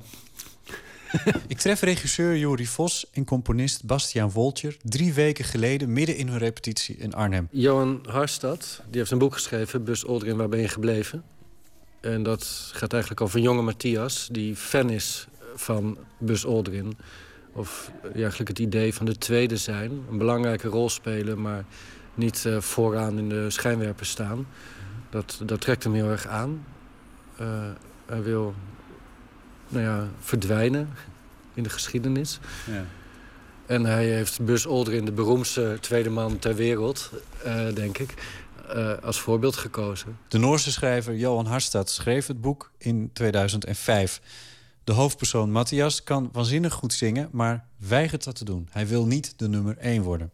Het brengt hem uiteindelijk in de jaren 90 op de Faroe-eilanden... een eilandengroep halverwege IJsland boven de boomgrens. Een maanlandschap, als je wil. Bus Aldrin die beschreef de maan met Magnificent Desolation.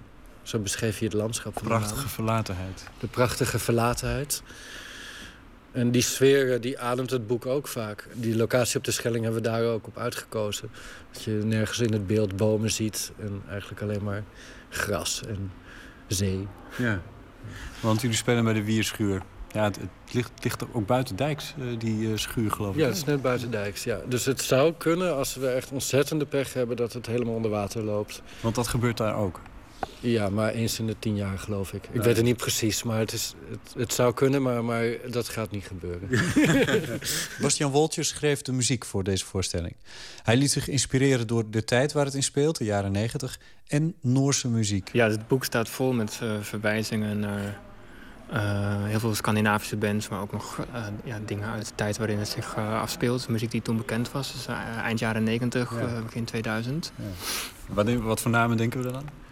Nou, in het boek gaat het heel erg over de Cardigans. Die spelen een hele belangrijke rol. Die, die worden alle... letterlijk genoemd. Ja, en alle, alle, alle, titels... Ja, dat is een Zweedse band, maar alle, alle de, de hoofdstukken hebben allemaal titels van... Uh, albums van de Cardigans. Oh, ja, dus de ja. First Band on the Moon bijvoorbeeld. Ja. Dat je het boek leest en dat je denkt van... hé, maar wat, wat, uh, waarom, waarom heten die hoofdstukken zo? En dan uiteindelijk kom je er, daar dan achter.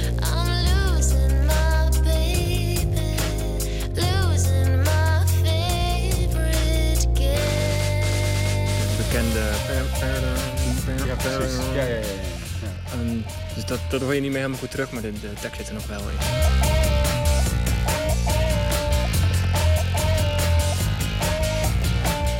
Bastiaan heeft het nummer helemaal verbouwd, gebruikt de fragmentjes en de tekst van. Ik heb nog wel andere teksten van de Gardigans, daar heb ik andere muziek op geschreven. Dus het zit er nog wel een beetje zijdelings door de hele voorstelling heen. Ja.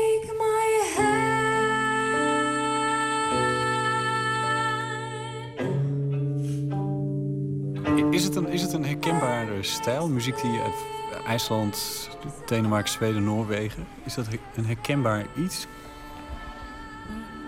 Um, er zit wel een soort rauwheid. Dat je daar gelijk wel dat landschap bij voor je ziet.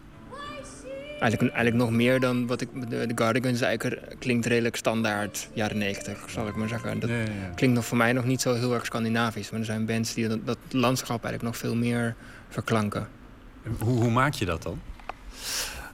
Um, dat was voor mij best moeilijk, want ik zit meer in de, in de, in de jazzmuziek en in de klassieke muziek. En uh, ik had een aantal proefjes gemaakt en die heb ik aan, aan Rafael Vanoli laten horen. En die was er eigenlijk niet gelijk heel erg blij mee. Hè? Dat is de, de gitarist, ja. ja. Die was eigenlijk niet eh, gelijk heel erg eh, blij daarmee. En die zei van, ja, het klinkt eigenlijk niet zo Scandinavisch. Want hij is vooral heel erg fan van al die Scandinavische Mhm. bands. En toen zei hij, ja, volgens mij moet je alles nog eens veel langzamer doen. Alle tempo's. Dus ik ben eh, alles nog eens twee keer zo, drie keer zo traag gaan eh, maken. En toen begon het in één keer een beetje Scandinavisch te klinken.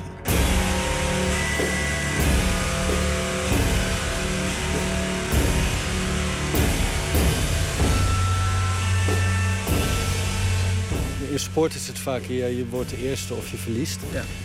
En dat is ook een soort, weet ik veel, misschien Amerikaanse mentaliteit of zo. Toch? Waar we ook in Nederland wel van houden. Ja. Maar ik denk dat het personage in dit stuk ook... dat je hem echt gaat geloven dat er echt mensen zijn die dat niet willen. Die niet de eerste willen zijn. Die echt liever iemand voor laten gaan en de tweede willen zijn. Of die behulpzaam willen zijn, alleen maar willen helpen. En niet, niet met een kop in de krant hoeven. Of, of eh, een interview op de radio eh, ho- hoeven te krijgen. Maar, maar die dat...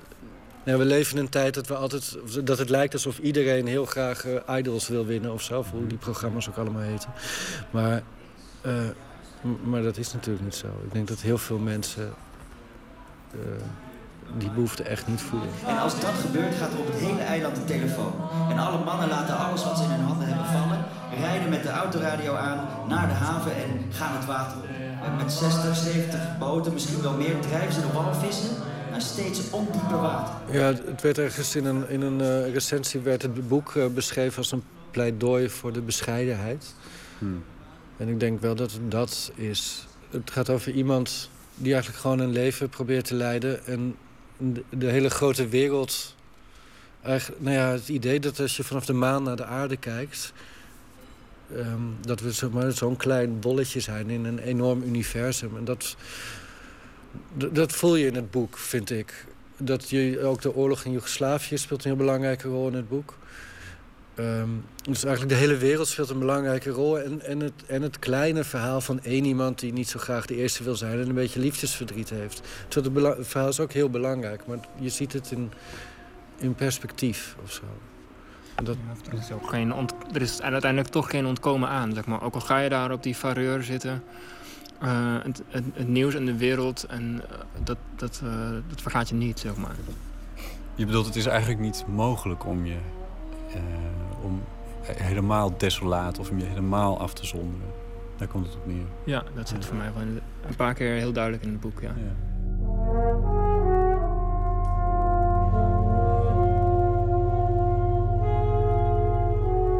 Wat, ik heb wel die, al die maanlandingen eventjes bekeken. En natuurlijk die, die mooie stemmen van ground control en eh, die dingen. Dus ik heb wel ook zo'n effect gemaakt waar dan acteurs af en toe ook eh, doorspreken. Ja, de tekst van de eh, maanlanding natuurlijk. En de tekst van de maanlanding. En er zit een hele mooie scène in dat eigenlijk Matthias geboren wordt. ehm, terwijl de eerste maanlanding plaatsvindt. Dus toen de eerste stap op de maan was, eh, kwam hij ter wereld. Dat vind ik zelf een hele mooie scène. En daar, Was het daar, niet de tweede stap op de maan waar die, eh, waar die geboren werd? Ja, denk het. Ja, ja, geloof het. Hè? Dat is het officieel dat hij eh, geboren werd toen Bus Aldrin zijn voet op de maan zette. Oh, ja, ja, ja. Dus, Dat was een nummer twee dan. Ja, ja, precies. Ja.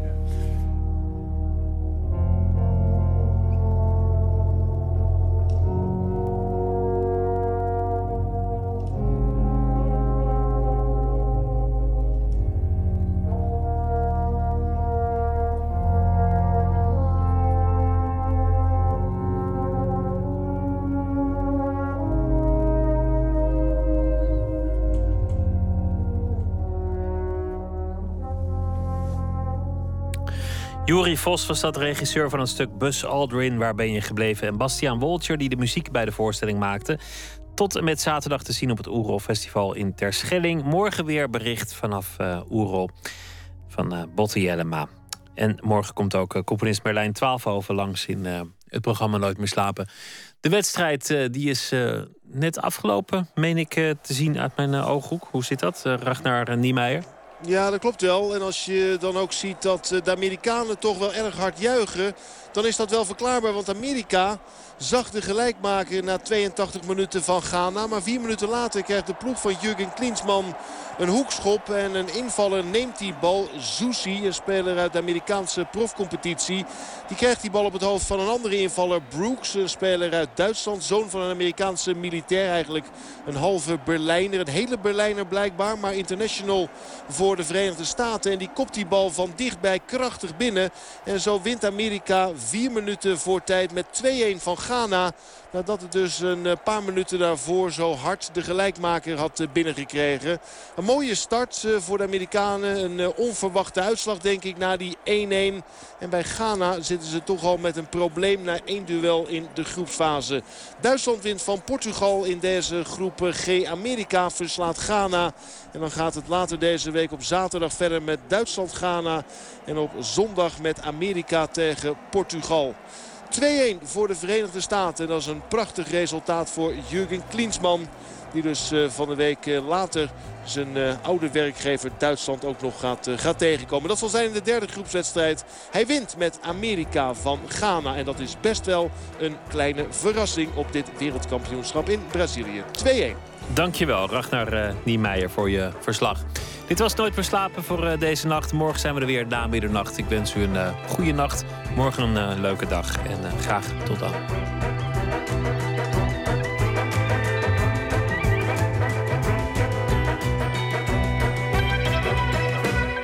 Op Radio 1. Het nieuws van alle kanten.